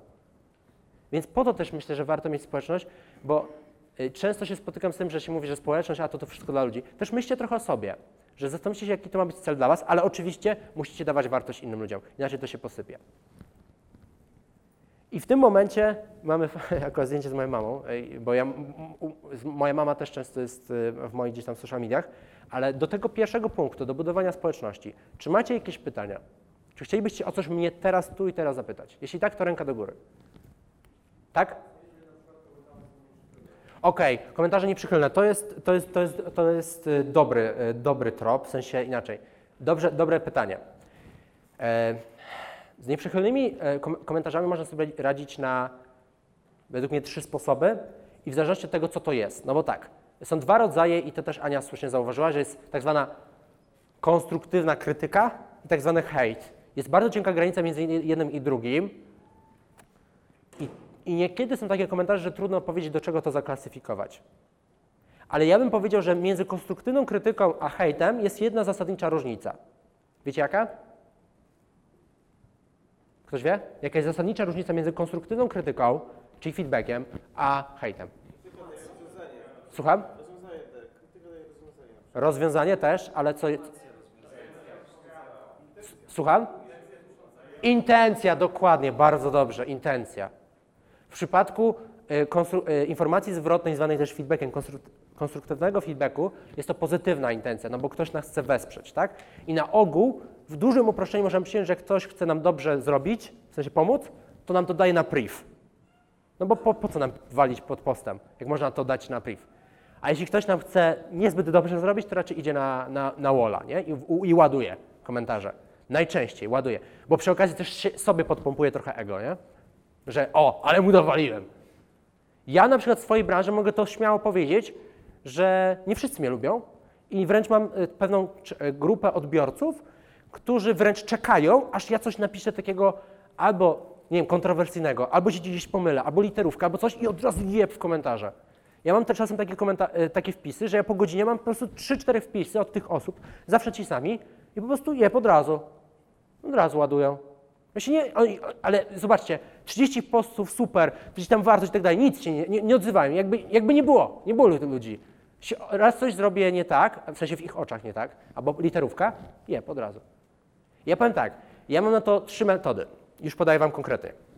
Po pierwsze, po pierwsze jest taka e, funkcja w, na Facebooku, jak, e, jak o, znaczy inaczej, pierwsze to jest olej, w sensie olej, w sensie możesz nie odpisywać, nie? Czasem tak się zdarza, że po prostu olewasz, bo z jednej strony nie usuniesz tego, bo coś tam, z drugiej strony jak odpiszesz, to będzie gówno burza, e, a z trzeciej strony, no to w sumie dobra, olejmy to. Z drugiej strony można podjąć taką decyzję, że jest taka funkcja jak ukryj komentarz i wtedy ten komentarz jest tylko widoczny dla osoby, która go napisała i dla jego znajomych. Czyli dla jego wąskiego grona fanklubu typu m- m- Kanarkiewicz jest taki i taki, no i tyle. Także to jest dla jego tylko wąskiego grona wtedy zostaje. Ukryj komentarz. I, ale wtedy, jak na przykład używacie tej funkcji ukryj komentarz, to warto też napisać prywatną wiadomość do tej osoby. Ja tak niekiedy robię i edukuję tych ludzi, że jeśli chce mi przekazać jakąś informację zwrotną, to chętnie zapraszam na priv, bo po prostu nie ma to sensu w tej, w tej przestrzeni. A trzecia opcja, najbardziej drastyczna i też przeze mnie niekiedy stosowana, to jest taka, że usuwam komentarz bez żadnego komentarza i blokuję, dziękuję, do widzenia. I teraz tak, bardzo ważna sprawa, bo ja miałem z tym ogromny problem przez długi czas, żeby e, usuwać i blokować komentarze, uważając, że jest to pierwsze, powiedzmy, mało etyczne, takie miałem poczucie, a po drugie, że jestem wtedy słaby. No bo tak mi ludzie mówili, jeśli usuwasz komentarz, to jesteś słaby, jeśli blokujesz, to jesteś jeszcze słabszy. Podczas gdy według mnie jest to bzdura, bo tak jak ludzie mają, y, mają y, możliwość i też prawo do wypowiedzi y, w, w, w ramach wolności słowa, tak ty też masz prawo to po prostu skasować, bo po prostu uderza to w ciebie. I teraz powiem tak, niektórzy twierdzą, że okej, ale czemu nie wejdziesz z nim w konstruktywną, jakąś tam merytoryczną dyskusję, czemu nie zaczniesz mu wyjaśniać, że tak nie można i tak dalej. No bo sprawdzałem to i to nie działa i robi się gówno burza 100% czasu. Po prostu zawsze to się dzieje. On jak chce, to się zawsze do czegoś doczepi. Hejter jak to zawsze się dowali do czegoś. To nie ma znaczenia, co wy powiecie. Wy mu odpowiecie, no, no wie pan, ja się z panem zgadzam, e, nawet powiedzmy takim sposobem psychologicznym, takiej kanapki feedbackowej, że ja się z panem zgadzam, ale uważam, że mam inną opinię i że, e, no wie pan, możemy mieć inną opinię, się nie zgadzać, ale żyjmy w, w, w miłości dobrą i piękną, nie? Taką ka- kanap, kanapkę psychologiczną, nie? Zapodałem wam właśnie feedbackową. Zdarza się coś takiego strzelić. Ale on i tak ci odpowie, no ale ja i tak mam rację. No i, i co? Najlepiej mu napisz rację, masz rację, tak. I co, czujesz się lepiej? Ja tak odpowiadam ludziom na żywo. No bo na żywo no niekiedy trzeba się skonfrontować z tym. Ktoś mi przychodzi i mówi, ja mam rację, ja mam rację. Ja mówię, no, masz rację. I co, czujesz się teraz lepiej? I kończy się dyskusja. No bo niestety hejt jest zjawiskiem, które narasta. Mówię to z przykrością, a czym bardziej jesteście jaskrawi, tym większe zjawisko. Ja mówię o tym z perspektywy osoby, która jest najbardziej rozpoznawalna w szachach w Polsce i z, osoby, z perspektywy osoby, która no już jest dosyć nośna i os, bardziej osobą publiczną niż nauczycielem jestem, czy tam wykładowcą, czy nauczycielem, whatever, szkoleniowcem. Więc to się zdarza. I teraz ja do, do, do niedawna nie rozumiałem, dlaczego Ewa Chodakowska, czy Ania Lewandowska, czy inni zachowują się tak, jak się zachowują. Czy nawet jak piłkarze po Mistrzostwach Świata wybuchli tam na tym Instagramie, słynny Grosicki, który tam e, po, naparzał się w komentarzach z ludźmi. Oni nie wytrzymują, ja też bym nie wytrzymał na ich miejscu. W sensie, ja się staram to wytrzymywać, ale rozumiem, że to ciśnienie jest ogromne. Więc hejt jest zupełnie, zupełnie e, normalnym, znaczy normalnym, nie normalnym, ale zjawiskiem, które wzrosło już u nas i szczególnie w Polsce jest popularne, bo to, co zapewnia hejt osobie, która nas hejtuje, to po pierwsze jej, e, jej ego idzie trochę do góry, po drugie, po drugie po, pozwala się jej wybić na naszym nazwisku, korzystając z naszego odbicia, blasku, no bo się pojawi w komentarzach u kogoś znanego, a po trzecie e, hejt też pomaga tej, tej osobie najczęściej wyrazić swoją frustrację. Bo nie chcę tutaj wchodzić e, w, jakby w psychologię, ale w dużym uproszczeniu hejt jest najczęściej nie o nas, o osobie hejtowanej, tylko o osobie, która hejtuje. Najczęściej. To są jego braki, jej, jego, jej braki. Czy odpowiedziałem w miarę satysfakcjonująco? Dzięki. Okej, czy jeszcze jakieś pytanie co do społeczności? Okej, dobra. Tak? Jasne, pewka. Mógłbyś na przykładzie dojścia do Kasparowa powiedzieć, jak można y, dotrzeć do takiego mistrza Okej, jasne, śmiało. w Mamy, branży? jasne, jasne, jasne, jasne, skorzystała społeczność. jasne, pewnie. No to do tego, tak, tak, moment, żeby dojść do kogoś, który kto jest najlepszy w danej branży. mhm, jasne. Gdzie? O, z Garim, tak, z Garim. Z Garim Kasparowem e, zadziałały mm, dwie rzeczy. E, To, co zawsze działa we wszystkich moich case'ach zadziałało, czyli determinacja, bardzo duża determinacja i za chwilę jeszcze pokażę, jak to konkretnie zrobiłem, plus element losowy. Muszę to powiedzieć szczerze, że niekiedy decyduje element losowy, akurat w, w przypadku Gary'ego zadecydował. I teraz tak, jak ja się dostałem do Gary'ego Kasparowa? Trzech krokach. Po pierwsze, dowiedziałem się, że Gary Kasparow będzie na takiej, e, na największym turnieju w czwartym kwartale 2017 roku, czyli dokładnie rok temu, szachowym, czyli na Londo Chess Classic. Tam się skupia 10 najlepszych zawodników szachowych z całego świata i Gary Kasparow był gościem. Magnus Carlsen, ten na poprzednim zdjęciu, był numerem jeden, a że Gary Kasparow trenuje Magnusa Carlsena, jakby było łatwo dosyć wywnioskować, że prawdopodobnie Gary Kasparow się tam pojawi, plus Londyn bardzo dobrze płaci Kasparowowi za przyjazdy, więc no jakby tutaj było prawie, że oczywiste, że się pojawi. Druga rzecz, musiałem się tam wkręcić, mówiąc kolokwialnie. I teraz tak, e, bilety takie powiedzmy na typowe audience, takie wejście sobie na, na turniej, kosztowały tam ileś naście funtów, to akurat jest nie- nieistotne ile kosztowało, bo i tak by Ci nie dały tej możliwości. Bo wchodzisz sobie na audience, ale nie masz szans się dostać do Kasparowa. Zapomnij. Bo pomimo tego, że szachiści są dosyć mało, mało znaną grupą odbiorców, to jednak dotarcie do Kasparowa nie jest takie łatwe. I to, co wymyśliłem, myślę, jest dosyć przebiegłe, bo jest konferencja szachowa, która się odbywa równolegle do tego i jest organizowana przez tych samych organizatorów. I teraz napisałem do organizatorów, że chętnie wystąpię na tej konferencji międzynarodowej o edukacji szachowej, czyli przy okazji też swój e, ręcz, taki eksperckości podniosę, ale chciałbym też, żeby mnie wpuścili tam na to spotkanie London Chess Classic, tam jak będzie Kasparow. No i dostałem badża i wpuścili mnie, zaprosili mnie na spotkanie e, London Chess Classic, które się odbywało w siedzibie Google'a w Londynie. I tam, żeby dostać się, no to rzeczywiście trzeba było po prostu znać organizatorów. Więc ja nie znałem tych ludzi, ale napisałem po prostu zimnego maila. Dzień dobry, znaczy po angielsku. No, jestem taki, taki. Wystąpił was na konferencji, ale chciałem jeszcze tam wejść na ten Chess Classic, zobaczyć, co tam się dzieje. No i, no i e, to jest drugi punkt, więc dostałem e, to, to zaproszenie w związku z tym, że jestem prelegentem na konferencji, która jest e, mm, organizowana przez te, tych samych ludzi. A trzeci punkt to już jest trochę element losowy, bo Gary'ego, Gary Kasparow się pojawił i to było oczywiste, że się pojawi, ale to, żeby zrobić z nim zdjęcie już nie było takie oczywiste. I ja akurat na Gary'ego Kasparowa nadziałem się w szatni, wchodząc dokładnie w tym samym momencie, co on, do Google'a. O! o! Ale poleciało, aż z emocji poleciało. Kurczę, no tak, ja do tej pory to wspominam, ale żeby aż tak. Słuchajcie, pierwszy raz mi. Po, pi- pierwszy raz, no ale to były emocje, kurczę. Ja pamiętam, a, ja to było coś na zasadzie. Y, serio, Gary? To na tej zasadzie było. I ja nie wiedziałem, że to w sensie widziałem, a tak. O, tak zamurowało mnie, a potem. Dobra, dobra, szybko selfie, selfie. No i zrobiliśmy to selfie. Także e, w dużym uproszczeniu tak. E, ale, ale jak widzicie, był w niebo wzięty ten selfie. Ale już zostawmy to. Już, już nie czepiajcie się tego selfie. Nie czepiajcie. Tak, tak, tak, tak, tak. Słuchajcie, e, w każdym razie, w każdym razie e, zimny mail. Także, bo, bo część osób twierdzi, że zimne maile już nie działają, a ja uważam, że zimne maile działają pod warunkiem, że jesteście w stanie to fajnie uargumentować i po prostu to ograć. Także tak było z Garym Kasparowem. Czy ta odpowiedź jest satysfakcjonująca? Okej, dobra, lecimy dalej. I teraz tak, to jeśli chodzi o społeczność, to mamy to załatwione, ten, ten pierwszy filar. To jest zdjęcie właśnie, a propos. Sklep jest taki szachownica, nie? No to wiadomo. Trzeba było tak zrobić, takie zdjęcie. E, jeśli właśnie chodzi o, o, o, o korpo, to właśnie też prowadziłem w Banku Zachodnim e, WBK Bank Santander e, szkolenie i też mieliśmy takie zdjęcie. I to też bardzo dużo zdjęć mi dało nowych klientów, w sensie korporacyjnych. Bo oni zobaczyli, co oni zob- co widzicie na tym zdjęciu? Znaczy poza mną to też tam. No właśnie, dokładnie. To jest najważniejsze na zdjęciach. I, I tutaj chciałbym na to zwrócić szczególną uwagę. Jak macie swoje zdjęcia, to oczywiste, że musi być na nich fajna emocja, ale jeśli macie grupowe, to postarajcie się, żeby też takie było. Nie zawsze się da, ale na najlepszych imprezach robi się po prostu mnóstwo tych zdjęć i się wybiera to najlepsze. Wiem, że to brzmi teraz, tak wiecie, że się wybiera, ale tak jest. Wiemy, żyjemy w świecie obrazów, więc tam się wybiera.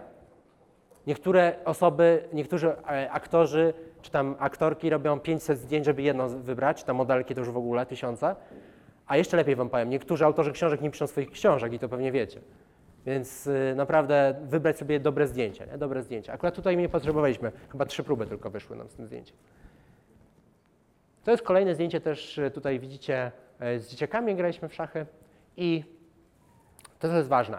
Z kim współpracuję? W sensie tutaj macie korpo u góry, czyli Volvo, Ernst Young, Bank, Bank, Santander, Bank Santander, Bank UBS, Capgemini, Rockwell i inne korporacje. I to jest jakby obszar, który, o którym mówię, jak idę do biznesu. Jak idę powiedzmy do branży szeroko pojętego rozwoju osobistego, to mówię o Milewskiej Partnerzy. Ktoś kojarzy? Milewski Partnerzy, Łukasz Milewski? Okej. No to ja będę na życiu bez ograniczeń za tydzień u nich. Brian Tracy International. Ktoś kojarzy Briana Tracy'ego? No, no to Brian Tracy International też z nimi robię, e, u nich występuję teraz w, czwartek. Więc jak idę tam, no to mówię o tym. A jak idę do e, edukacji, to mówię o bogatym portfolio influencerów, których za chwilę Wam pokażę, którzy aktywnie wspierają moją działalność. No i czwarta rzecz, bardzo ważna, o tym też dzisiaj będę mówił, czyli ponad 20 wystąpień w mediach przez rok. I teraz tak, wiele osób twierdzi, że nie warto już walczyć o media, w sensie, że media już są, że tego nikt nie słucha, nikt nie ogląda i tak dalej. Wy, pewnie nie oglądacie telewizji, ja generalnie też nie, ale dużo osób mimo wszystko je ogląda i może tak się zdarzyć, a nawet prawie na pewno, że w waszym targecie ludzie to jeszcze oglądają. Nawet jeśli nie bezpośrednio, to pośrednio i babcia, e, babcia kogoś, kto podejmuje decyzję zakupową, obejrzy i opowie swojemu wnuczkowi, że taka super jest e, usługa dostępna w telewizji.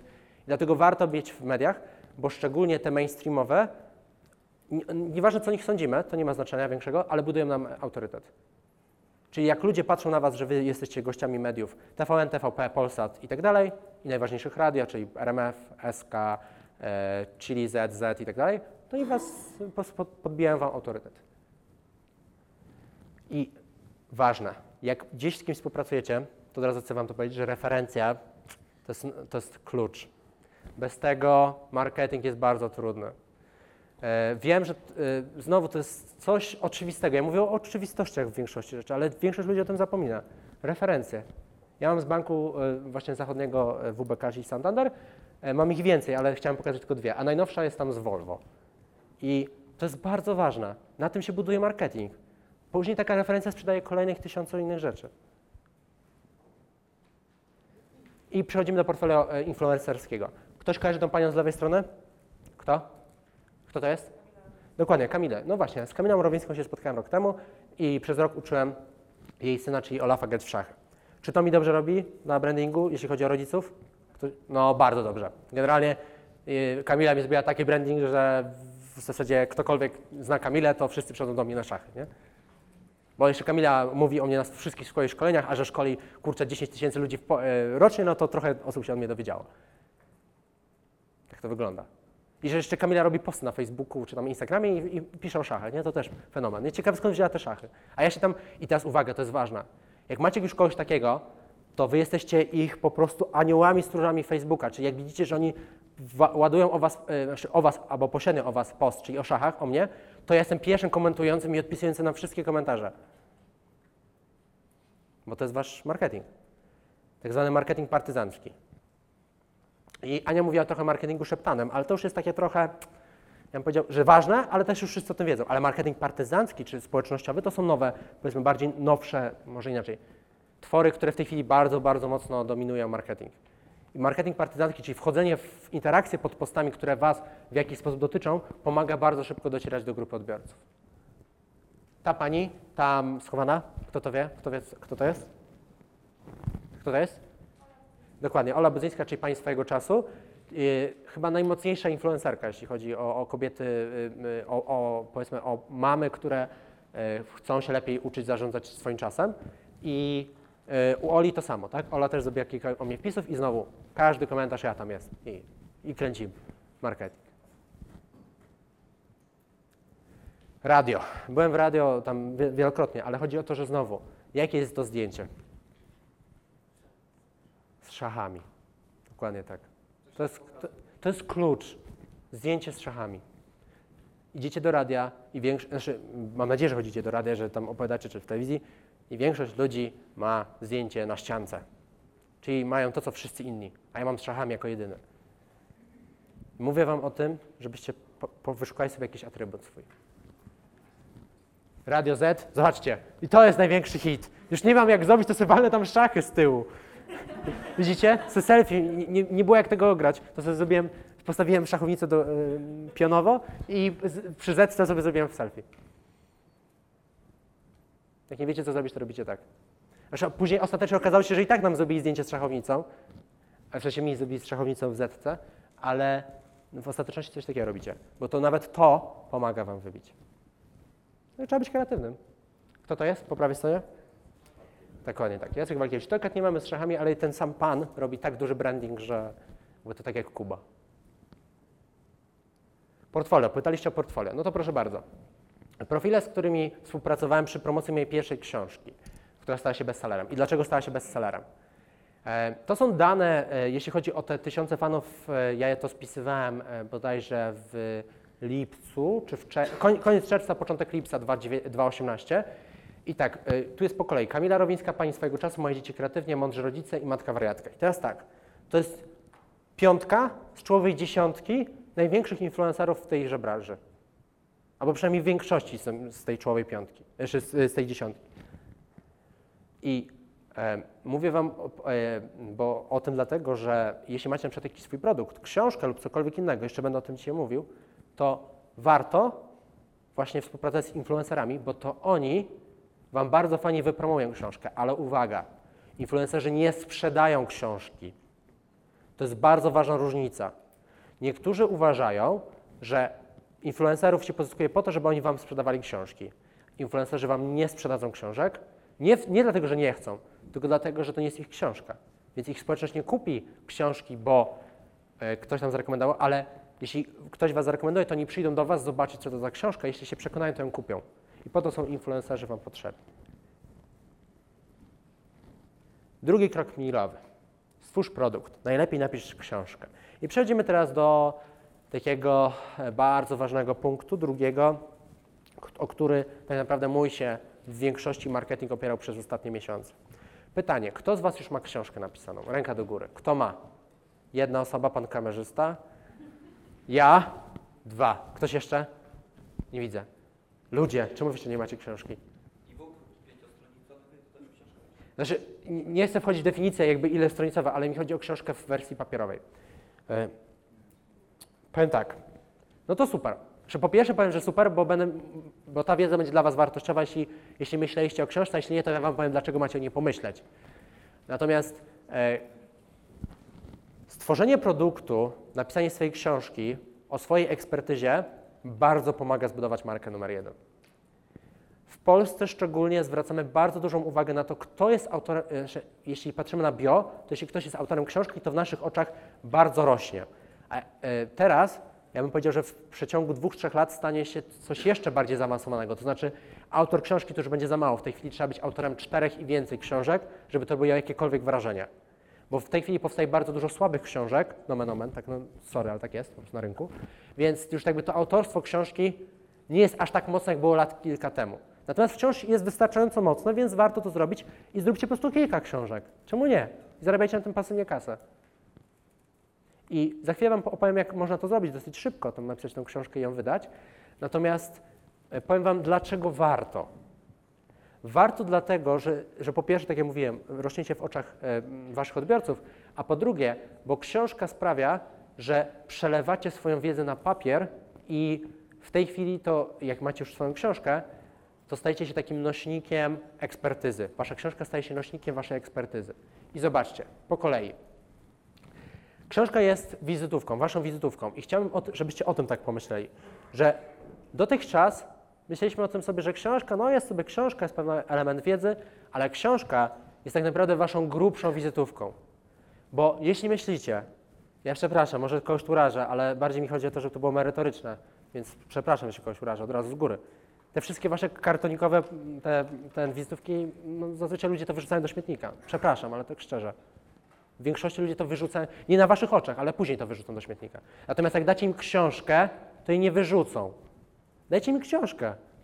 Swoją książkę. I teraz, co ciekawe, ja nawet się nie spodziewałem, że to aż tak mocno działa, bo ja jak szedłem na przykład do, do prezydenta miasta Gdańska, e, mm, pierwszy raz się z nim spotkałem, to dałem mu swoją książkę. I jak się okazało, to właśnie ta książka sprawia, że się z nim później spotkałem. Bo on sobie do niej zajrzał i nie wyrzucił jak wizytówki, których dostaje tysiące i wyrzuca od razu. Zróbcie książkę. Książka jest grubszą wizytówką. Po drugie, książka rozbudowuje społeczność zawsze, bo, no bo po prostu ilość czytelników na, w książce dajecie odsy, odsy, e, odsyłacie do, do Facebooka i przychodzą wam na Face'a, to jest oczywiste. Dowodzi Twojej ekspertyzy, o tym mówiłem, wzmacnia Twoje poczucie skuteczności. Mało oczywisty, ale ważny punkt. Jeśli napiszecie książkę, to naprawdę nagle się okazuje, że większość rzeczy jest realnych, no bo książka jest dosyć złożonym projektem, ale z drugiej strony nie jest niemożliwym i uważam, że każdy jest to w stanie ogarnąć. Tym bardziej, że w dobie copywriterów, ghostwriterów i wszystkich innych tam osób, redaktorów, y, grafików, osób, które wa- Was mogą w wielu rzeczach wy, y, wyręczyć. Piąte, jest prostsze niż myślisz i no, to za chwilę Wam e, pokażę dokładnie na case'ie. Na case'ie. Dlaczego książka? No proszę bardzo. Bo później taki e, właśnie tak, piękne zdjęcie, uwielbiam jak później dzieci reklamują moją książkę. Nie ma lepszego nośnika reklamy. Co potrzebujesz do Twojej książki? Proszę bardzo, mięcho. Sprawdź, czy wydawnictwo przyjmie projekt lub, e, lub czy w modelu e, self-publishingowym Twoi znajomi ją kupią. Generalnie dzielimy, e, można wydać książkę na dwa sposoby. Można wydać samodzielnie albo z, e, z wydawnictwem. No pewnie myślę, że już większość z Was o tym wie. Natomiast jak myślicie, e, kiedy się opłaca bardziej z wydawnictwem, a kiedy bardziej się opłaca samodzielnie? Na pewno. Kiedy jeszcze? No, to wtedy już, to, ale słuszna uwaga, kiedy wydawnictwo już nas nie chce, no to, no, siłą rzeczy. Okej, zgadzam się. Coś jeszcze?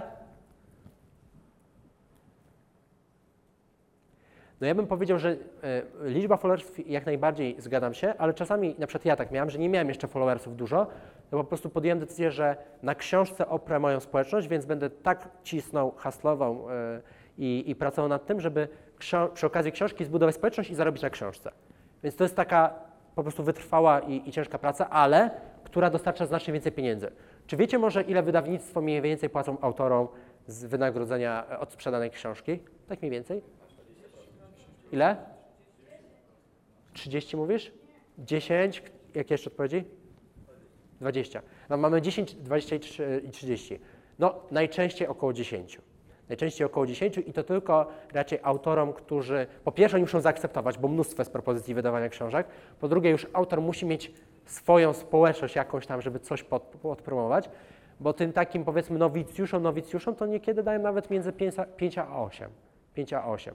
Tym najlepszym, czyli typu na przykład Remigiusz Mróz, który się najlepiej w tej chwili sprzedaje, no to on ma jakby osobny kontrakt, bo on sam w sobie sprzedaje nazwiskiem, więc tam podejrzewam jest między 20 a 30, bo tak, tak można szacunkowo badać, może, może jeszcze trochę więcej, ale y, generalnie jeśli wydajecie z wydawnictwem książkę, no to oni pobierają y, c- ym, większość pieniędzy. I ja polecam tę drogę osobom, które nie mają czasu na samodzielne wydanie bo to jest czasochłonne, ale, ale przynosi dużo pieniędzy. I e, jest taki case, na pewno znacie Michała Szafrańskiego, to na pewno. No gość zarobił kupę kas na książkach, tak? Natomiast case Michała e, Sz- Szafrańskiego jest tak naprawdę, no jeszcze Radek Kotarski, który bardzo dobrze na tym zarabia, ale poza nimi dwoma nie ma więcej osób, które by takie pieniądze robiły na self-publishingu. Przynajmniej ja nie znam jeszcze, może wy znacie, które by sprzedawały w takich ilościach książek. Natomiast e, takich osób, które sprzedają między, powiedzmy, między 2 a 5 tysięcy egzemplarzy, ja jestem w tej grupie, no to jest więcej i to już też są sensowne pieniądze, no bo no prosta matematyka, jeśli książka kosztuje 49 zł, tak, sprzedacie 2000, no to macie tam 98 minus koszty, zostaje 80 minus jakieś podatki 70, coś tam, coś tam, koło pewnie 5-6 dych macie na, na, na 2000 sprzedanych egzemplarzy, a to wcale nie jest takie trudne, znaczy wymagające, ale nie wcale, tak, nie, wcale nie takie trudne. Nie, znaczy ja, ja mam w tej chwili po, e, po e, ile mam od premiery? Po 9 miesiącach podchodzę pod 3000 sprzedanych. Więc e, tyle jest mojej pierwszej książki, która się stała bestsellerem w swojej, w swojej dziedzinie, w swojej branży. I teraz tak, e, żeby dobrze sprzedać samodzielnie książkę, to za chwilę Wam o tym powiem. Ale jeśli będziecie chcieli podpisywać kiedyś umowę z wydawnictwem, to tylko jeden taki protip i zamykam ten, zamykam ten wątek wydawnictwa, bo ja nie jestem panem z wydawnictwa, żeby Wam tu reklamować wydawnictwo.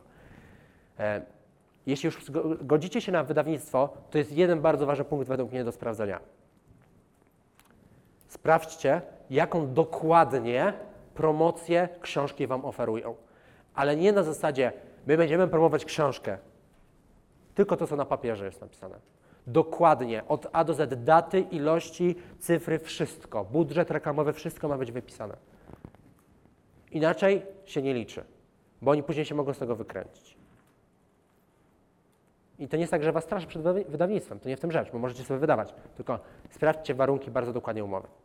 Ale jeśli byście chcieli, chcieli to zrobić tak jak ja samodzielnie, bo ja akurat dosyć sporo osób teraz uczę, jak wydawać samodzielnie książkę, to Wam powiem, w jaki sposób można to zrobić najszybciej, według mnie. Sprzedaj w modelu self-publishingowym 20 egzemplarzy w ofercie fundatorskiej. Daj rabat lub bonus, na przykład dedykację. O co chodzi? Chodzi o to, że te 20 pierwszych sprzedanych egzemplarzy to jest Wasz taki papierek lakmusowy do sprawdzenia, czy Wasza książka, mówiąc w cudzysłowie, żre. Czyli czy tą Waszą książkę ktoś chce czytać, poza mamą, tatą, psą, psem, kotem i babcią i kimś tam jeszcze. Czy ktoś to chce czytać, ale realnie, a nie jakaś, wiecie, Wasze wyobrażenia. Bo chcę Wam powiedzieć o czymś bardzo ważnym. Ja myślałem, że wśród moich znajomych, wśród mojej rodziny, bliskich, więcej osób kupi moją książkę. Tak nie jest. Oni są wszyscy za free. A ja nie chcę im dawać za free. Ja sprzedałem wszystkim książkę, poza moją mamą, moim bratem, wszystkim. I na tym polega Wasza oferta fundatorska. Macie 20 egzemplarzy sprzedać i sprawdzić, co się wydarzy. I uwaga, Wy też sprzedacie 20 egzemplarzy obietnicy napisania książki, a nie napisanej książki. Zmieniamy model. O tym bardzo, bardzo mądrze mówi Marcin Osman. Ja też się od niego bardzo dużo rzeczy w tym kontekście nauczyłem. Że najpierw sprzedajesz, potem piszesz, być może, na koniec bardzo duże być może ją wydajesz, jeśli ją sprzedasz. Jeśli nie, to nie trać czasu. Większość ludzi najpierw pisze, potem wydaje, a potem być może sprzedaje i traci kasę. Nie wiem, czy wiecie, jaki jest, jaki jest próg rentowności książki dla wydawnictwa. Jak myślicie, ile trzeba sprzedać egzemplarzy, ile musi sprzedać wydawnictwo egzemplarzy, żeby to się zwróciło? Inwestycja. Ile? Nie? Więcej? Między 3 a 4 tysiące na zero. Jeśli chodzi o self-publishera, jak myślicie, jaki to jest wynik? Mniej więcej? Oczywiście mówimy tu o szacunkach, bo różne ceny i tak dalej, koszty wydruku. Ja mówię szacunki. Nie. Żeby, zakładając, że mamy nakład 1000 egzemplarzy, no to trzeba sprzedać między 200 a 300 egzemplarzy, żeby być na zero. Czyli macie na 700 już na czysto zarabiania. Bo przy pierwszym wydaniu jest najwięcej kosztów, bo macie redaktora, korektora, grafika, a potem już tylko przy kolejnych dodrukach tylko wydruk. Kolejne pytanie. Jak myślicie, ile kosztuje wydruk jednej książki przy założeniu, że tak, książka ma około 200 stron, jest w A5, w miękkiej oprawie i e, ma skrzydełka, w sensie oprawę ze skrzydełkami. Czarno-biała. 12, 7, 8, 5, 6, wszystko padło. Około, około 5 zł. Około 5 zł. Czy to jest tanio? Przy tysiącu. Czy to jest ta- tanio? No jest. Generalnie, jak zrobicie sobie cenę książki 5 dych, to macie 10-krotną marżę, tak? Więc to jest generalnie bardzo opłacalny, internetny biznes, jeśli umiecie sprzedawać dobrze książki. Mało osób potrafi dobrze sprzedawać książki. Ja się cały czas tego uczę. Więc zachęcam Was do self-publishingu, ale pod warunkiem to zaznaczam, że macie na to czas, bo to kosztuje dużo czasu. Dalej. E, dograj deal z wydawnictwem, jeśli robicie to z wydawnictwem, lub zbierz zespół wydawniczy. Co to jest zespół wydawniczy? To jest redaktor, korektor, grafik i gość od strony www, czyli waszego landing page'u. Ważne, moim zdaniem, nie można oszczędzać szczególnie na, jak myślicie na czym? Z tych czterech komponentów? Ktoś jeszcze? Landing page. Moim zdaniem na grafiku, bo to okładka sprzedaje. Na drugim miejscu bym postawił stronę www. Znaczy, albo gdzieś tam bardzo podobnie, ale grafik. Jeśli nie macie okładki sprzedającej, mówiąc wprost, jeśli ona nie wali po oczach, to nie ma szans, żeby ona była dobro, dobrze się sprzedająca, o ile nie jesteście znaną już marką. My mówimy o, o, o takim starcie jak ja, czyli kiedy nie byłem zbyt znany i kiedy chciałem się wybić. Ksi- Książka musi mieć rewelacyjną okładkę. Większość ksi- książek ma tragiczne okładki. Tragiczne. Wydawnictwa robią w większości tragiczne okładki. Wy macie mieć fenomenalną okładkę, bo ludzie kupują po okładce. Nie wierzycie w to, idźcie i sobie zobaczcie, jak podejmiecie decyzje zakupowe w Empiku. Większ... Słucham? Do polecenia? W sensie y, grafikę? Tak, to wam jeden kontakt wam sprzedam, ale więcej zostawiam dla, dla moich kursantów. Magda Siejek, siejek.magda.gmail.com to jest moja graficzka, to ją bardzo polecam. Magdzie tą reklamę robię za free, bo ona też mi robi dużo rzeczy za free. I ona jest akurat rewelacyjna. Więc je, jej to chętnie zrobię tą reklamę. E, siejek.magda.gmail.com Tak, Magda, tak. Znasz? No, Magda, Magda z Krakowa. Dalej, napisz około 160 tysięcy znaków z diagramami i miejscami na notatki. U mnie to były diagramy szachowe. U Was to mogą być tabelki, ćwiczenia, whatever. Uwaga, bardzo, bardzo ważne. Jeśli chcecie mieć książkę, która się sprzedaje i którą ludzie czytają, to ja mówię tylko o takiej. Ja nie mówię o książkach, wiecie, typu sztuka, dzieło sztuki i tak dalej, bo to jest piękne, ale to się nie sprzedaje. Ja mówię o książkach, które się sprzedają. W większości książki, które są opakowane wielkimi cegłami, się słabo sprzedają. Oczywiście poza bestsellerowymi autorami. Wiem, że są tacy, którzy się sprzedają, ale tacy jak powiedzmy jak ja, którzy startowałem i pewnie wy w podobnych jesteście sytuacjach, to się nie sprzedaje. Cegół nikt nie kupuje, bo po co? Tego nikt nie przeczyta. I teraz e, w dużym uproszczeniu 160 tysięcy znaków to oznacza, że macie do napisania 1000 SMS-ów, bo jeden SMS to jest około 160 znaków. I teraz tak, o co chodzi? Chodzi o to, żeby wasza książka miała nie więcej niż 200 stron. Nie więcej, podkreślam, plus minus 20 stron od 200. Czyli między 180 a 220 może mieć 160, ale nie, nie mniej niż 150. Bardzo ważne. Granica psychologiczna. E, W Polsce jest coś takiego, że jak książka ma poniżej 150, to jest uwa- uważana za mniej wartościową przez wielu. Bardzo ważna. Więc walimy około 200 stron, natomiast folwark zwierzęcy, który jest bestsellerem, ma 136 tylko.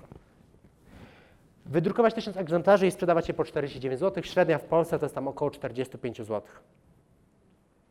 I w dużym uproszczeniu to są takie najważniejsze założenia, jakie macie przy samodzielnym wydaniu książki. Przy czym podkreślam, mówimy o osobach, które startują, a nie o osobach, które są bestsellerowymi autorami już. Bo jak jesteś bestsellerowym autorem, lub tak jak Michał Szafrański pracujesz 5 lat, aby zrobić bestsellera takiego jak on, to jest inna w ogóle ścieżka. Bo Michał pracował 5 lat i ostatnie półtorej roku intensywnie nad samą promocją książki, żeby zrobić taki wynik. Ja mówię to o osobach, które są dziś podjąć decyzję, albo jeszcze dziś wieczorem podjąć decyzję, napiszę książkę i za 3 miesiące ją wydam. Bo ja tak zrobiłem. Napisałem książkę w miesiąc, wydałem ją w kolejne dwa i w trzy była premiera. Więc to są takie podstawowe założenia. Czy co do drugiego kroku są jakieś pytania Wasze w tym miejscu? Co do książki? Słucham.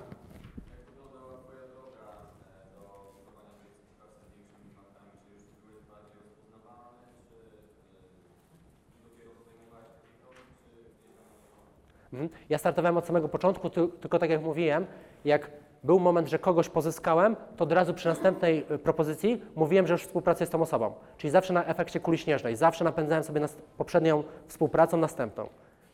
Bo to bardzo dobrze działa, tak, w oczach innych osób. No bo jeśli nie masz tych ludzi, jeśli nie masz w tej chwili jeszcze portfolio, no to bazuj na tym, co masz i wyciskaj jak cytrynę to, co masz. To jest bardzo ważne. Czy to jest zadowalająca odpowiedź? Okej, tak? Moja pierwsza książka była o szachach, o tym jak, e, jak, e, dokładnie lekcja strategii, jak rozwijać dzieci poprzez naukę gry w szachy, bo pierwszą taką książkę napisałem e, i tą książkę możecie nabyć sobie na, na, na, na stoisku, jeśli macie ochotę. Natomiast ym, założenia pod kątem czego? Bo to, bo to mnie ciekawi.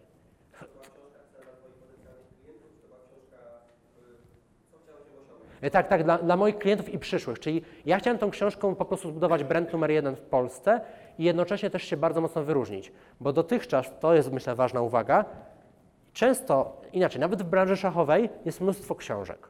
W waszej też na pewno jest mnóstwo książek, niezależnie od tego, gdzie jesteście. To, co jest ważne, to trzeba, moim zdaniem, stworzyć książkę, której nie tylko nie było, ale stworzyć jakby nowy nurt, y, najlepiej jakąś taką swoją filozofię. Ja, ja, dotychczas książki szachowe polegały na tym, że pisano o zasadach gry w szachy.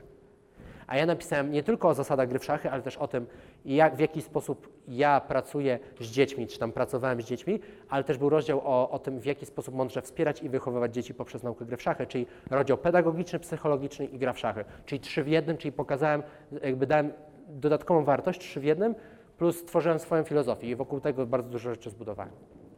Czy to jest zadowalająca odpowiedź? Okej, ktoś jeszcze? Coś chce zapytać? A, ty jasne. O czasie. Wydania książki. Tak. ile czasu poświęciłeś na napisanie książki? No, u, u, u mnie napisanie książki samo w sobie zajęło mm, miesiąc, chyba nawet krócej. Nawet krócej. Aha, okej. Ja, ja akurat jestem taką osobą, która lubiła pracować w nocy. Ja sobie lubię pracować w nocy i ja pracowałem tak najczęściej, że wiem, że to jest niezdrowe, ale między 12 a 4 rano po prostu pisałem. Wtedy najlepiej, bo nikt mi nie przeszkadzał. Wy sobie znajdziecie inny sposób, nie? ale ja pracowałem po 4, 4 godziny. Natomiast to, to, co jest ważne też, myślę, to że jak napisałem pierwszą wersję książki, to ją puściłem do redakcji, dopiero potem jeszcze ją poprawiałem. Czyli nie łudźcie się, przepraszam, może będę trochę, mówiłem, ja jestem bezczelny nawet czasami. Nie uczcie się, że wasza pierwsza wersja książki będzie idealna, że ona będzie bestsellerem, tylko ona może się stać bestsellerem, ale po poprawkach redaktora i potem waszych, jeszcze redaktora i jeszcze pięciu innych osób. Bo te książki, które widzicie w księgarniach, to nie są słowa napisane przez tych autorów w 100%. Przy tam redaktorzy, tam masa ludzi nad tym pracuje. Więc dajcie sobie też zgodę na to, że też inni ludzie wam w tym pomogą. Dajcie pierwszą y, wersję jak najszybciej redaktorowi i potem poprawki. Poprawki, poprawki, poprawki, aż w końcu dojdziecie do takiej wersji, którą chcecie wypuścić. Zadowa- zadowalająca? Okej. Coś jeszcze? Ja mam pytanie. Jasne. Czy, czy ta droga, Aha. którą przedstawiałeś e, do budowania książki, sprzedaż tych 20, roku Tak, tak. tak dalej, to jest droga Twojej pierwszej książki czy kolejnej? Wszystkich. Wszystkich. Tak, wszystkich. E, Czyli pierwszą musiałeś mieć, e, zacząłeś budować na początku społeczność, czy Już mówię, już mówię, już wiem o co Ci chodzi. E, Przy pierwszej książce, jak startowałem, miałem, e, to było, w, startowałem tą taką, pierwszą taką sprzedaż, to było listopad 2017 i miałem chyba trochę ponad 1000 fanów. W tej chwili tam mam, e, no, jest, mamy 10 miesięcy później, mam 6,5 tysiąca, tak. Natomiast ja po prostu się skupiłem wokół tego, żeby e, sprzedawać te egzemplarze i po prostu taki był mój cel sprzedażowy, ale u mnie w większości kupili nie, nie ludzie z fanpage'a, tylko znajomi z Face'a, w sensie friendsi tak zwani na Face'ie. I przy pierwszej książce się bardzo mordowałem, żeby sprzedać te 20 egzemplarzy. E, Obiekcje z każdej strony, no bo, no bo jak? No nie masz książki, pokaż mi okładkę, pokaż mi spis treści. Ja mówię, nie mam, nie pokażę. Mogę ci dać tańszą cenę, mogę ci dać dedykację, obiecać dedykację, ale nie pokażę ci książki, bo jej nie mam. No ale sprzedałem te 20 egzemplarzy po mękach, ale sprzedałem. Przy drugiej, przy drugiej i trzeciej, bo to takie książki e, w formie bardziej zeszytów ćwiczeń, takich ćwiczeniowe mocno, to tam poszło po 100 egzemplarzy, bardzo szybko, be- bez problemu. Nie miałem celu, e, znaczy miałem cel 20, ale poszło 100, mm, okej, trudno. E, A przy, te, przy czwartej książce, która mieliśmy dosłownie tam dosłownie kilka dni temu, e, robiłem ten, ten sam proces, to mi się sprzedaje też ponad, ponad 100 książek. Przy pierwszym rzucie w 24 godziny poszło 100, bez niczego. Bez niczego. Ja mam pytanie odnośnie Tak. zdjęć, które. Jasne. E, Na szachownicę w kolejce, to jest tam bardzo fajny. Tak, tak, tak, tak, tak. E, Ja specjalizuję się w legalnym zatrudnieniu cudzoziemców. Okej. Pytanie, e, ma jakiś pomysł? Nie, wiesz co, pierwsze co sobie pomyślałem, to weź sobie jednego podpacha, ale, ale, nie, ale nie idźmy tą drogą, nie idźmy tą drogą. Wiesz co, ja bym się zastanowił, e, być może mógłbyś mieć na przykład jakąś torbę albo plecak, albo e, jakąś właśnie teczkę z tym, co robisz, żeby to było napisane i że i wiesz, jak masz jakieś zdjęcie, to na przykład gdzieś to tam sobie trzymasz. Ja na początku nie miałem szachownicy, bo nie wpadłem na to, tylko wiecie, co robiłem? Wyjmowałem jedną figurę króla szachowego z szachownicy i przy każdym zdjęciu, jak miałem z kimś z- ważnym, to jak wiecie, jak się tam obejmuje kogoś na zdjęciu, to ja mu tam z lewej strony tak przykładałem króla. Przykładałem mu z lewej strony po prostu króla. Albo, albo z mojej, mojej dłoni trzymałem króla, żeby było. Więc y, nie, nie umiem Ci odpowiedzieć y, tak, wiesz, y, zero-jedynkowo, co masz mieć, ale ja bym pomyślał, jeśli nie możesz mieć... mm, Zostawmy to. To, żebyś miał jakiś taki napis, albo koszulkę na przykład. To jest petarda. Koszulka. Ludzie zwracają uwagę na koszulki z napisami. A nie, poważnie, poważka. Y, koszulka, koszulka z napisem. W to bym poszedł. Koszulka z napisem, bo na każdym zdjęciu ludzie ci patrzą na koszulkę. Tylko wtedy musisz dbać o to, żeby mieć ich, musisz mieć ich kilka, żeby na każdy event mieć zawsze, ale po drugie, żeby było zawsze na każdym zdjęciu widać ten napis. I ludzie na to zwrócą uwagę. Zobaczysz. Czy coś jeszcze chcielibyście zapytać?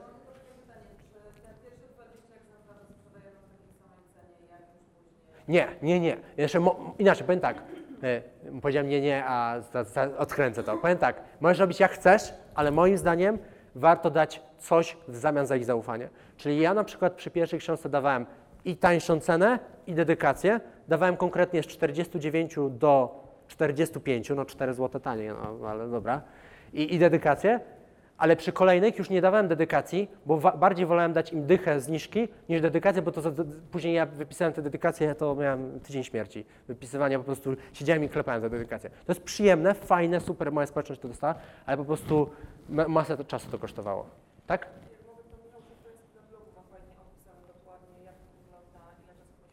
Tak, tak. Michał Szafrański bardzo fajnie też się i wnikliwie dzieli. Natomiast e, moim zdaniem, tak jak powiedziałem, moim zdaniem Michał Szafrański zrobił fenomenalną robotę i to jest świetne, natomiast też poza nim i Radkiem Kotarskim nie ma innych przykładów, które by to zrobiły. Więc e, i też warto pamiętać o tym cały czas, że Michał Szafrański to zrobił w 5 lat. To była praca pięcioletnia. Więc jeśli nie chcecie, e, jeśli chcecie iść drogą pięcioletnią, spoko, to jest super wtedy. Idźcie Michała szukać jakby jego e, wiedzy i sposobów. Natomiast jeśli, jeśli chcecie zrobić to tak jak ja, szybko, podjąć decyzję, w 3 miesiące robimy książkę, no to, to, to raczej e, wtedy te Michała wskazówki są, e, powiedziałbym, dobre, ale chyba trochę zbyt wolne, bym powiedział tak. Bo on same wywiady umawiał 3 miesiące. Same wywiady. A tutaj, przepraszam. e, spisu treści, no ale jednak coś chyba musisz pokazać, że jeśli sprzedajesz, więc pytanie co? Mhm, Okej, możesz, e, to co, to co, to co e, m, za pierwszym, znaczy na początku nic nie pokazałem, czyli pisałem konkretnie, nawet, nie wiem, jest może tutaj Robert z nami e, z sali nieruchomości? Nie ma, bo jemu sprzedawałem książkę w pierwszym nakładzie. Pamiętam, że jemu sprzedałem i e, sprzedawałem w ten sposób, że na początku wysyłałem wiadomości na Messenger, typu cześć, mam książkę, oferuję ci i tak dalej, to większość ludzi miała to w nosie. Potem pisałem spersonalizowane, cześć Robert, sprzedaję książkę, bla, bla, bla. Też mieli to większość ludzi w nosie. Ale potem wpadłem na coś niezwykle innowacyjnego. Nagrywałem spersonalizowane wideo. Przytrzymujesz na Messengerze ten przycisk od wideo i 15 sekund nagrywasz coś. Cześć Robert, mam dla Ciebie fenomenalną książkę, która pomoże Twojemu dziecku lepiej zrozumieć podstawy gry w szachy. Czy jesteś zainteresowany jej kupnem za jedyne tam... No i sprzedałem mu książkę.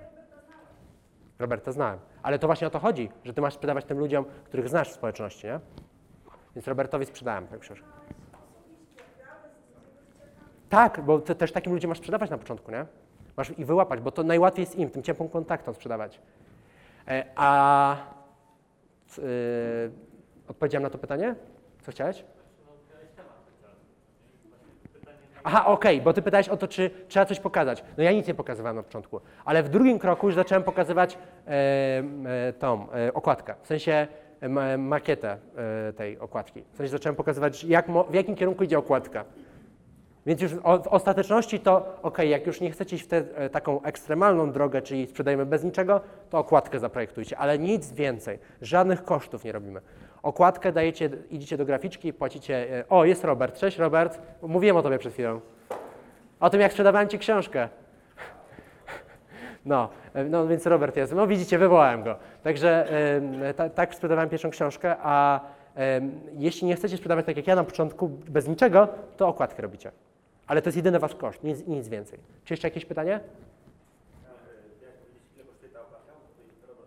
Aha, okładka, okej. Ej, Wykonanie tej pierwszej takiej wersji okładki, no to to jest kwestia, e, w zależności od tego, z kim to robisz, ale powiedzmy, myślę, że do 200-300 zł się zamknie, nie? Z Magdą to może być trochę drożej, bo ona robi to bardzo dokładnie i precyzyjnie. Ona ci nie wypuści jakiegoś, e, bo ona się nawet, ja mówię jej, weź mi daj cokolwiek. Ja mówię, nie dam ci cokolwiek. No ale no i się nie zgadza, ale robi do- fenomenalną robotę, więc trochę to więcej kosztuje. Jeszcze jakieś pytanie? Wow, ile pytań, super.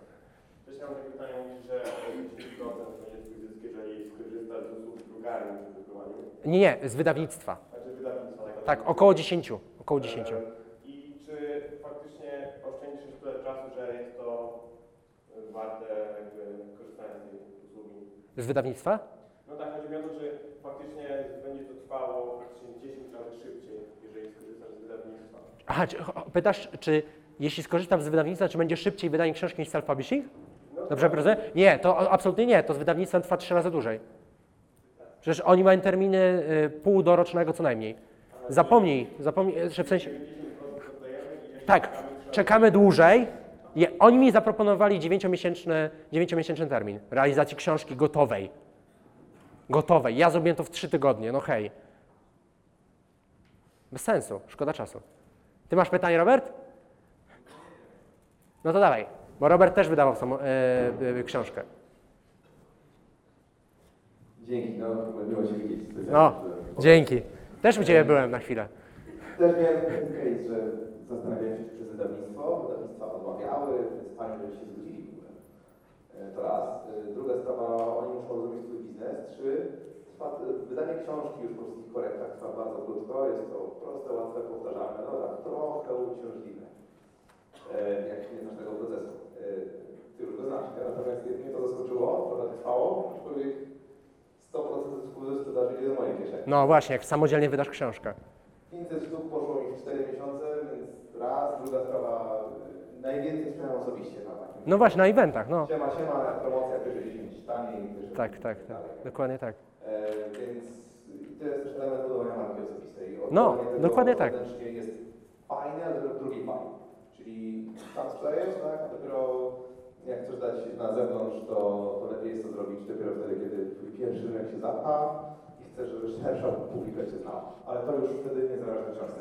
Widziałem, że ty sprawę książkę teraz Tak, właśnie, właśnie, właśnie chcę to, o tym powiedzieć, że e, kiedy już przejdzie ta pierwsza fala, taka, gdzie społeczność wasza już kupi tą książkę i powiedzmy w miarę obiektywnie jesteście w stanie stwierdzić, że już wycisnęliście do końca cytrynę z tej waszej społeczności, że już no, nie bardzo już widać, kto miałby ją kupić, to ja na przykład ją wprowadziłem do Empiku i wprowadziłem do wszystkich praktycznie miejsc, gdzie się dało, do, do dystrybucji, ale z tym zastrzeżeniem, że jak ja, robisz to jako self-publisher i przychodzisz z ofertą e, do tak zwanych dystrybutorów, to nie, e, jakby nie zostawiają ci 10%, tylko zostawiają ci około 50%. Więc wtedy masz deal pół na pół. Więc to i tak 100 razy, no znaczy 100 razy, no, mnóstwo razy lepszy deal niż ten początkowy z, z, wydawnictwem. Także wydawnictwo jest, myślę, ok dla tych osób, które e, nie chcą wokół książki budować marki osobistej nie chcą jakby na tym budować biznesu, albo nie chcą przynajmniej na tej książce jakoś mocno zarabiać. Ja chciałem na niej zarabiać, wiedziałem też, że ta książka nie pójdzie raczej w setkach tysięcy egzemplarzy, ani nawet w dziesiątkach tysięcy. No może dobije to za, za rok, dwa, ale chciałem na niej zarabiać, chciałem na niej budować markę i przede wszystkim chciałem mieć pełną kontrolę nad produktem. Jeśli wydawnictwo Wam bierze tą książkę pod swoje skrzydła, to właśnie straciliście kontrolę nad swoim produktem i nic nie wiecie, co się z nią, z nią dzieje. Czy jeszcze jakieś macie pytania? Spoko. Słucham? Już y, podchodzimy pod 3000. Czy ktoś jeszcze o coś? Tak? I ostatnie, bo musimy przejść do ostatniego punktu. No?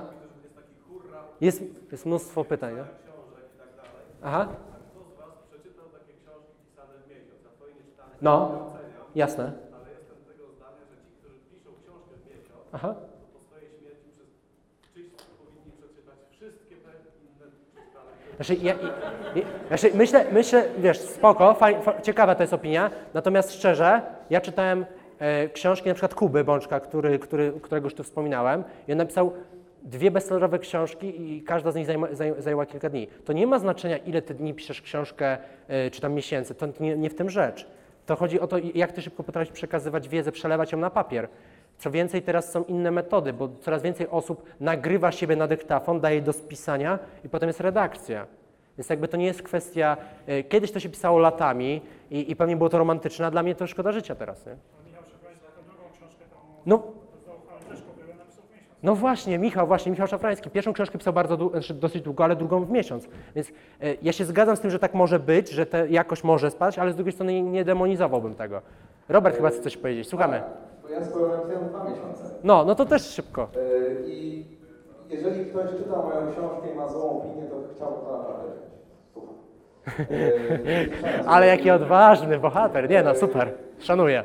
Ja też mogę wziąć, na, bo ja jeszcze nie mam też negatywnej opinii. dlatego, że jeżeli ktoś, ja nie mam tu no ego, tak? Jak ktoś mi powie, coś źle zrobiłem, chętnie napiszę drugą książkę.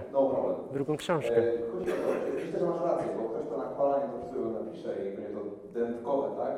No to będzie miał negatywną opinię.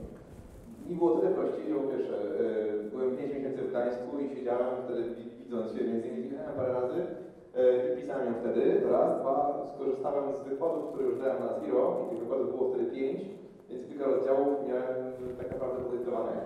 Trzy gotowe procedury z mojej firmy, kopiuj, wklej, kopiuj, wklej, plus jakiś opis. Cztery, stwierdziłem, o, to by warto było napisać wspaniale, przyda się to do mojej firmy. Więc to napisałem, tak? Więc kilka celów naraz. No i tak się dzisiaj pisze. Super, dzięki. Słuchajcie, e, mówiłem o, wystąp- e, o wystąpieniach publicznych już wcześniej, ale żeby teraz podać Wam ten trzeci krok, który jest bardzo ważny w tym moim błyskawicznym budowaniu marki, to dlaczego wystąpienia publiczne, na przykład tak jak teraz występuję? Dlatego, że uwiarygodniają Was, staj, stajecie się osobą publiczną, to też jakby swoją drogą, pokazuje, że jesteś człowiekiem, bo scena obnaża wszystkie słabości i, i pokazujecie też innym ludziom, że jesteście e, ludźmi, a nie tylko e, powiedzmy jakimiś postaciami, awatarami w internecie. Bo w internecie można wykreować cokolwiek chcecie, E, Tak jak pokazywała Ania wcześniej na tych slajdach, że te, te wszystkie takie zdjęcia, e, że jak wygląda na, na Instagramie, a jak w rzeczywistości. I to często nie, nie jest to samo. Dowodzi, że potrafisz nie tylko mówić i pisać, ale też przekazywać swoją wiedzę dalej i pozwala zwiększyć efekt skali. Jak na przykład na, na jedną salę zbierzecie, tak jak ja za tydzień mam 5000 ludzi, macie 5000 nowych ludzi, którzy o was się dowiadują. To jest fenomenalne, to jest fenomen wystąpień publicznych. I nawet nie musicie być jesteś perfekcyjni w tych wystąpieniach. Ja też nie jestem. Cały czas to ćwiczę. Ale to wystarczy być coraz lepszym za każdym razem, bo jesteś tak dobry jak twoje ostatnie wystąpienia. Wystąpienia publiczne bardzo mi pomogły. Bardzo, bardzo, bardzo dużo zmieniły. Szczególnie właśnie e, TEDx. E, I to są wystąpienia publiczne, które ja z- robi, takie największe w tym roku, czyli Życie bez ograniczeń z Nikiem Wójciczem. Za, za tydzień mam 5 tysięcy osób w hali stulecia. TEDx, bardzo polecam. Na TEDa jest coraz łatwiej się dostać, bo coraz więcej ich jest organizowanych, a TED robi bardzo dużo, dobrą robotę, Wam, marketingową. Stadion Narodowe w Warszawie, tam też już występowałem, no i Brian Tracy International, jeden z największych brandów w rozwoju osobistym na świecie. Jak rozpocząć? Bo to jest taki e, e, slajd klucz dla Was. Jeśli jeszcze nie robicie żadnych wystąpień publicznych, chcecie być szybko ekspertem, proszę bardzo, macie receptę. Po pierwsze, rozpocznij od wykładu akademickiego, tak jak ja na tym zdjęciu, to jeden z moich pierwszych, no, nie wygląda, no, wygląda jak wyglądało, nieważne. E, Rozpocznij od wykładu akademickiego na 40-60 osób i teraz uwaga, idziecie na prywatną uczelnię, nie mówię tu, może być to też inne, ale może, może tu też Was zaproszą, życzę Wam z tego całego serca. 40-60 osób, bierzecie jakąś prywatną uczelnię, i przychodzicie z gotowym tematem.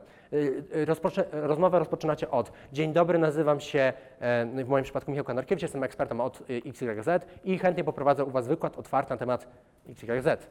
Czy jesteście tym zainteresowani?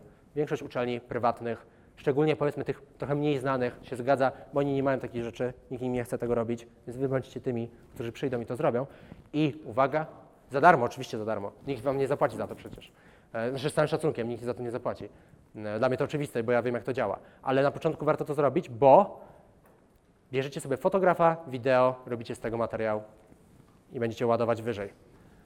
Zbierz ewaluację, wylicz średnią i wypisz feedback, zarówno pozytywne, jak i negatywne. Ja na moim pierwszym wykładzie miałem średnią, jak myślicie jaką? W skali 1 do 10? No, dobrze mnie oceniłeś. No, 5,7 na, na 10 i po- zaokrąglając 6. No nie było tak tragicznie, że 3. No. Tro, trochę mało mi to upaliście, ale dobra. E, Rzecz jest tym, że jak dostaniecie e, tą słabą, taką niską ewaluację, to e, po pierwsze macie fajne story, tak jak na przykład ja, no to, to, to 6 nie jest jakieś piękne, ale fajne story później do opowiadania na, na, na innych konferencjach, a po drugie, nawet z tego można zrobić walor, później gdzieś tam pokazując w mediach społecznościowych, że słuchajcie, zrobiłem pierwszy wykład, no poszło jak poszło, ale następnym razem będzie lepiej, się postaram i tak dalej, i tak dalej. Robicie z tego walor. Jeśli wyjdzie Wam bardzo dobrze, no to w ogóle to petarda, to walicie. Słuchajcie, pierwszy wykład i tam ocenili mnie 45 osób, tam w skali 1 do 10 na 9,98 na, na 10. No to petarda, no to wszyscy będą chcieli przychodzić. potem popraw się. Jak ma 9,98, to idź na 9,99 albo 10 na 10. Zrób kolejne wystąpienie, drugie, sprawdź, czy lepiej poszło i uwaga, punkt trzeci, już teraz nie gramy za darmo, kończymy granie za darmo, skończyły się dobre czasy, kiedy gramy za darmo, gramy za kasę. Napisz do organizatorów eventów na 100, oś- 100 plus osób.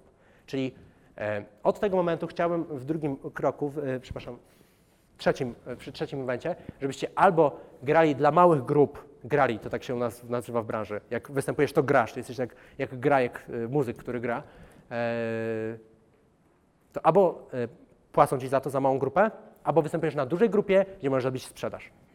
I wtedy robisz za darmo, ale masz stoisko i sprzedajesz. I do tego potrzebujesz punktu 2, czyli produktu. Bo to, co jest też sporym błędem wielu prelegentów, to idą, nie mają produktu, nie mają czego sprzedać. Czyli inaczej robią za free. W ogóle za free, za free jeszcze płacą za koszty. Bez sensu. Szkoda czasu. Na początku tak, raz, dwa tak, ale nie potem. Szkoda. E, i, idziecie na event 100 plus osób i, i celujecie w najwyższe eventy. Jak największe eventy. I z każdego eventu macie mieć wideo i foto. Bardzo dobre, jedno, przynajmniej dwa, co najmniej jedno zdjęcie. Dobre, bardzo dobre, a wręcz fenomenalne, które możecie wrzucić na Face'a i napisać fajny post. No u mnie to był TEDx, taki bardzo event, który mnie wy, wypłynął. I TEDx był w, na AGH University, e, znaczy na AGH w Krakowie. To był event, który bardzo mnie wypchnął, bardzo mocno pomógł mi wy, wy, wypłynąć. W tej chwili ma tam 5000 około wyświetleń na, na YouTubie, ale bardzo mocno się obił.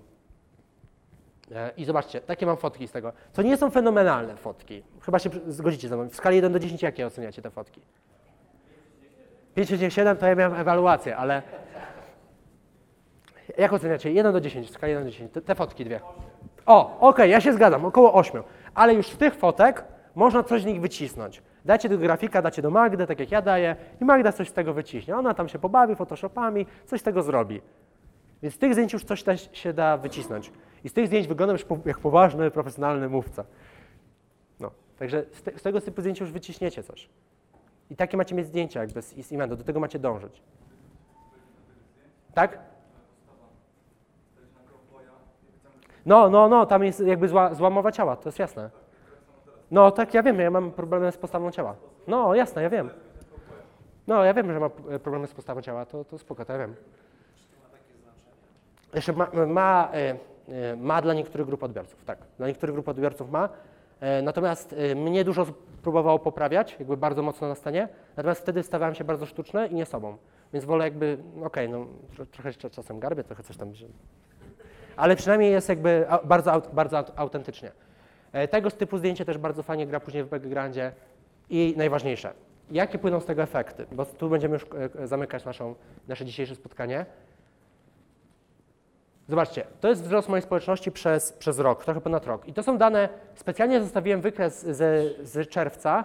E, kiedy zaczynałem w kwietniu 2017 roku, miałem 192 fanów, sto- sto- 192 to, to jest liczba, a stan na dziś to jest 24 czerwca, bo ten screen był wtedy robiony, i 2639% wzrostu. To jest całkiem dużo, całkiem dużo, szczególnie jak na niszową branżę. I te działania, które Wam pokazywałem po drodze, sprawiały, że tam się pojawiałem. I teraz zobaczcie na ten wykres, bo to jest, myślę, takie najbardziej inspirujące. Gdzie się pojawia największy wyskok? Tutaj trochę jest przesłonięte, ale tutaj był taki duży wskok, jak współpracowałem z influencerami. Tutaj, bo książka, a tutaj konferencje. Czyli każdy z tych elementów, to Wam mówię, możecie sobie spojrzeć na mojego Face'a później i to sprawdzić, bo tak jest. Bo te posty są. To posty właśnie, najpierw była e, influencerzy, potem książka, potem eventy i to one mnie wznosiły na, na te levele coraz wyżej. Tak wyglądały te statystyki i clue. Co dalej dla Was, co ja Wam proponuję, żebyście zrobili? Uczyć się przede wszystkim. I teraz tu jest jaka, e, spis literatury, którą ja rekomenduję z moich doświadczeń ostatnich, ostatnich miesięcy, którą, wa, którą warto przeczytać. E, Nie wiem, czy kojarzycie te, te, te książki, natomiast część z nich jest takimi książkami typowo merytorycznymi, część z nich takie inspiracje. Dodałem też swoją na koniec, jakby co, e, żeby, e, żeby była też wiadomo, że swoją też promuję. E, Natomiast powiem tak, te wszystkie książki polecam. Każda z nich w czymś innym pomoże. Natomiast myślę, że każda z nich też wzniesie Was po prostu na wyższy level.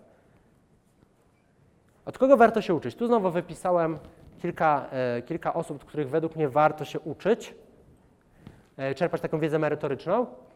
I e, był Michał Sadowski wspominany, był Marcin Osman, był Jakub Bebączek, Łukasz Milewski, Jacek Santorski, profesor Jacek Santorski, bardzo fajną wiedzę ma, Rahim Black od soc- social mediów na pewno, Piotrek Bucki, Janina Bąk, Kamil Kozioł, ten słynny tercet, jeśli chodzi o sceny, wystąpienia, super są, Sylwia Królikowska, od której się dużo nauczyłem, no i od siebie, na swoich lekcjach, bardzo, bardzo dużo się możecie z nich nauczyć.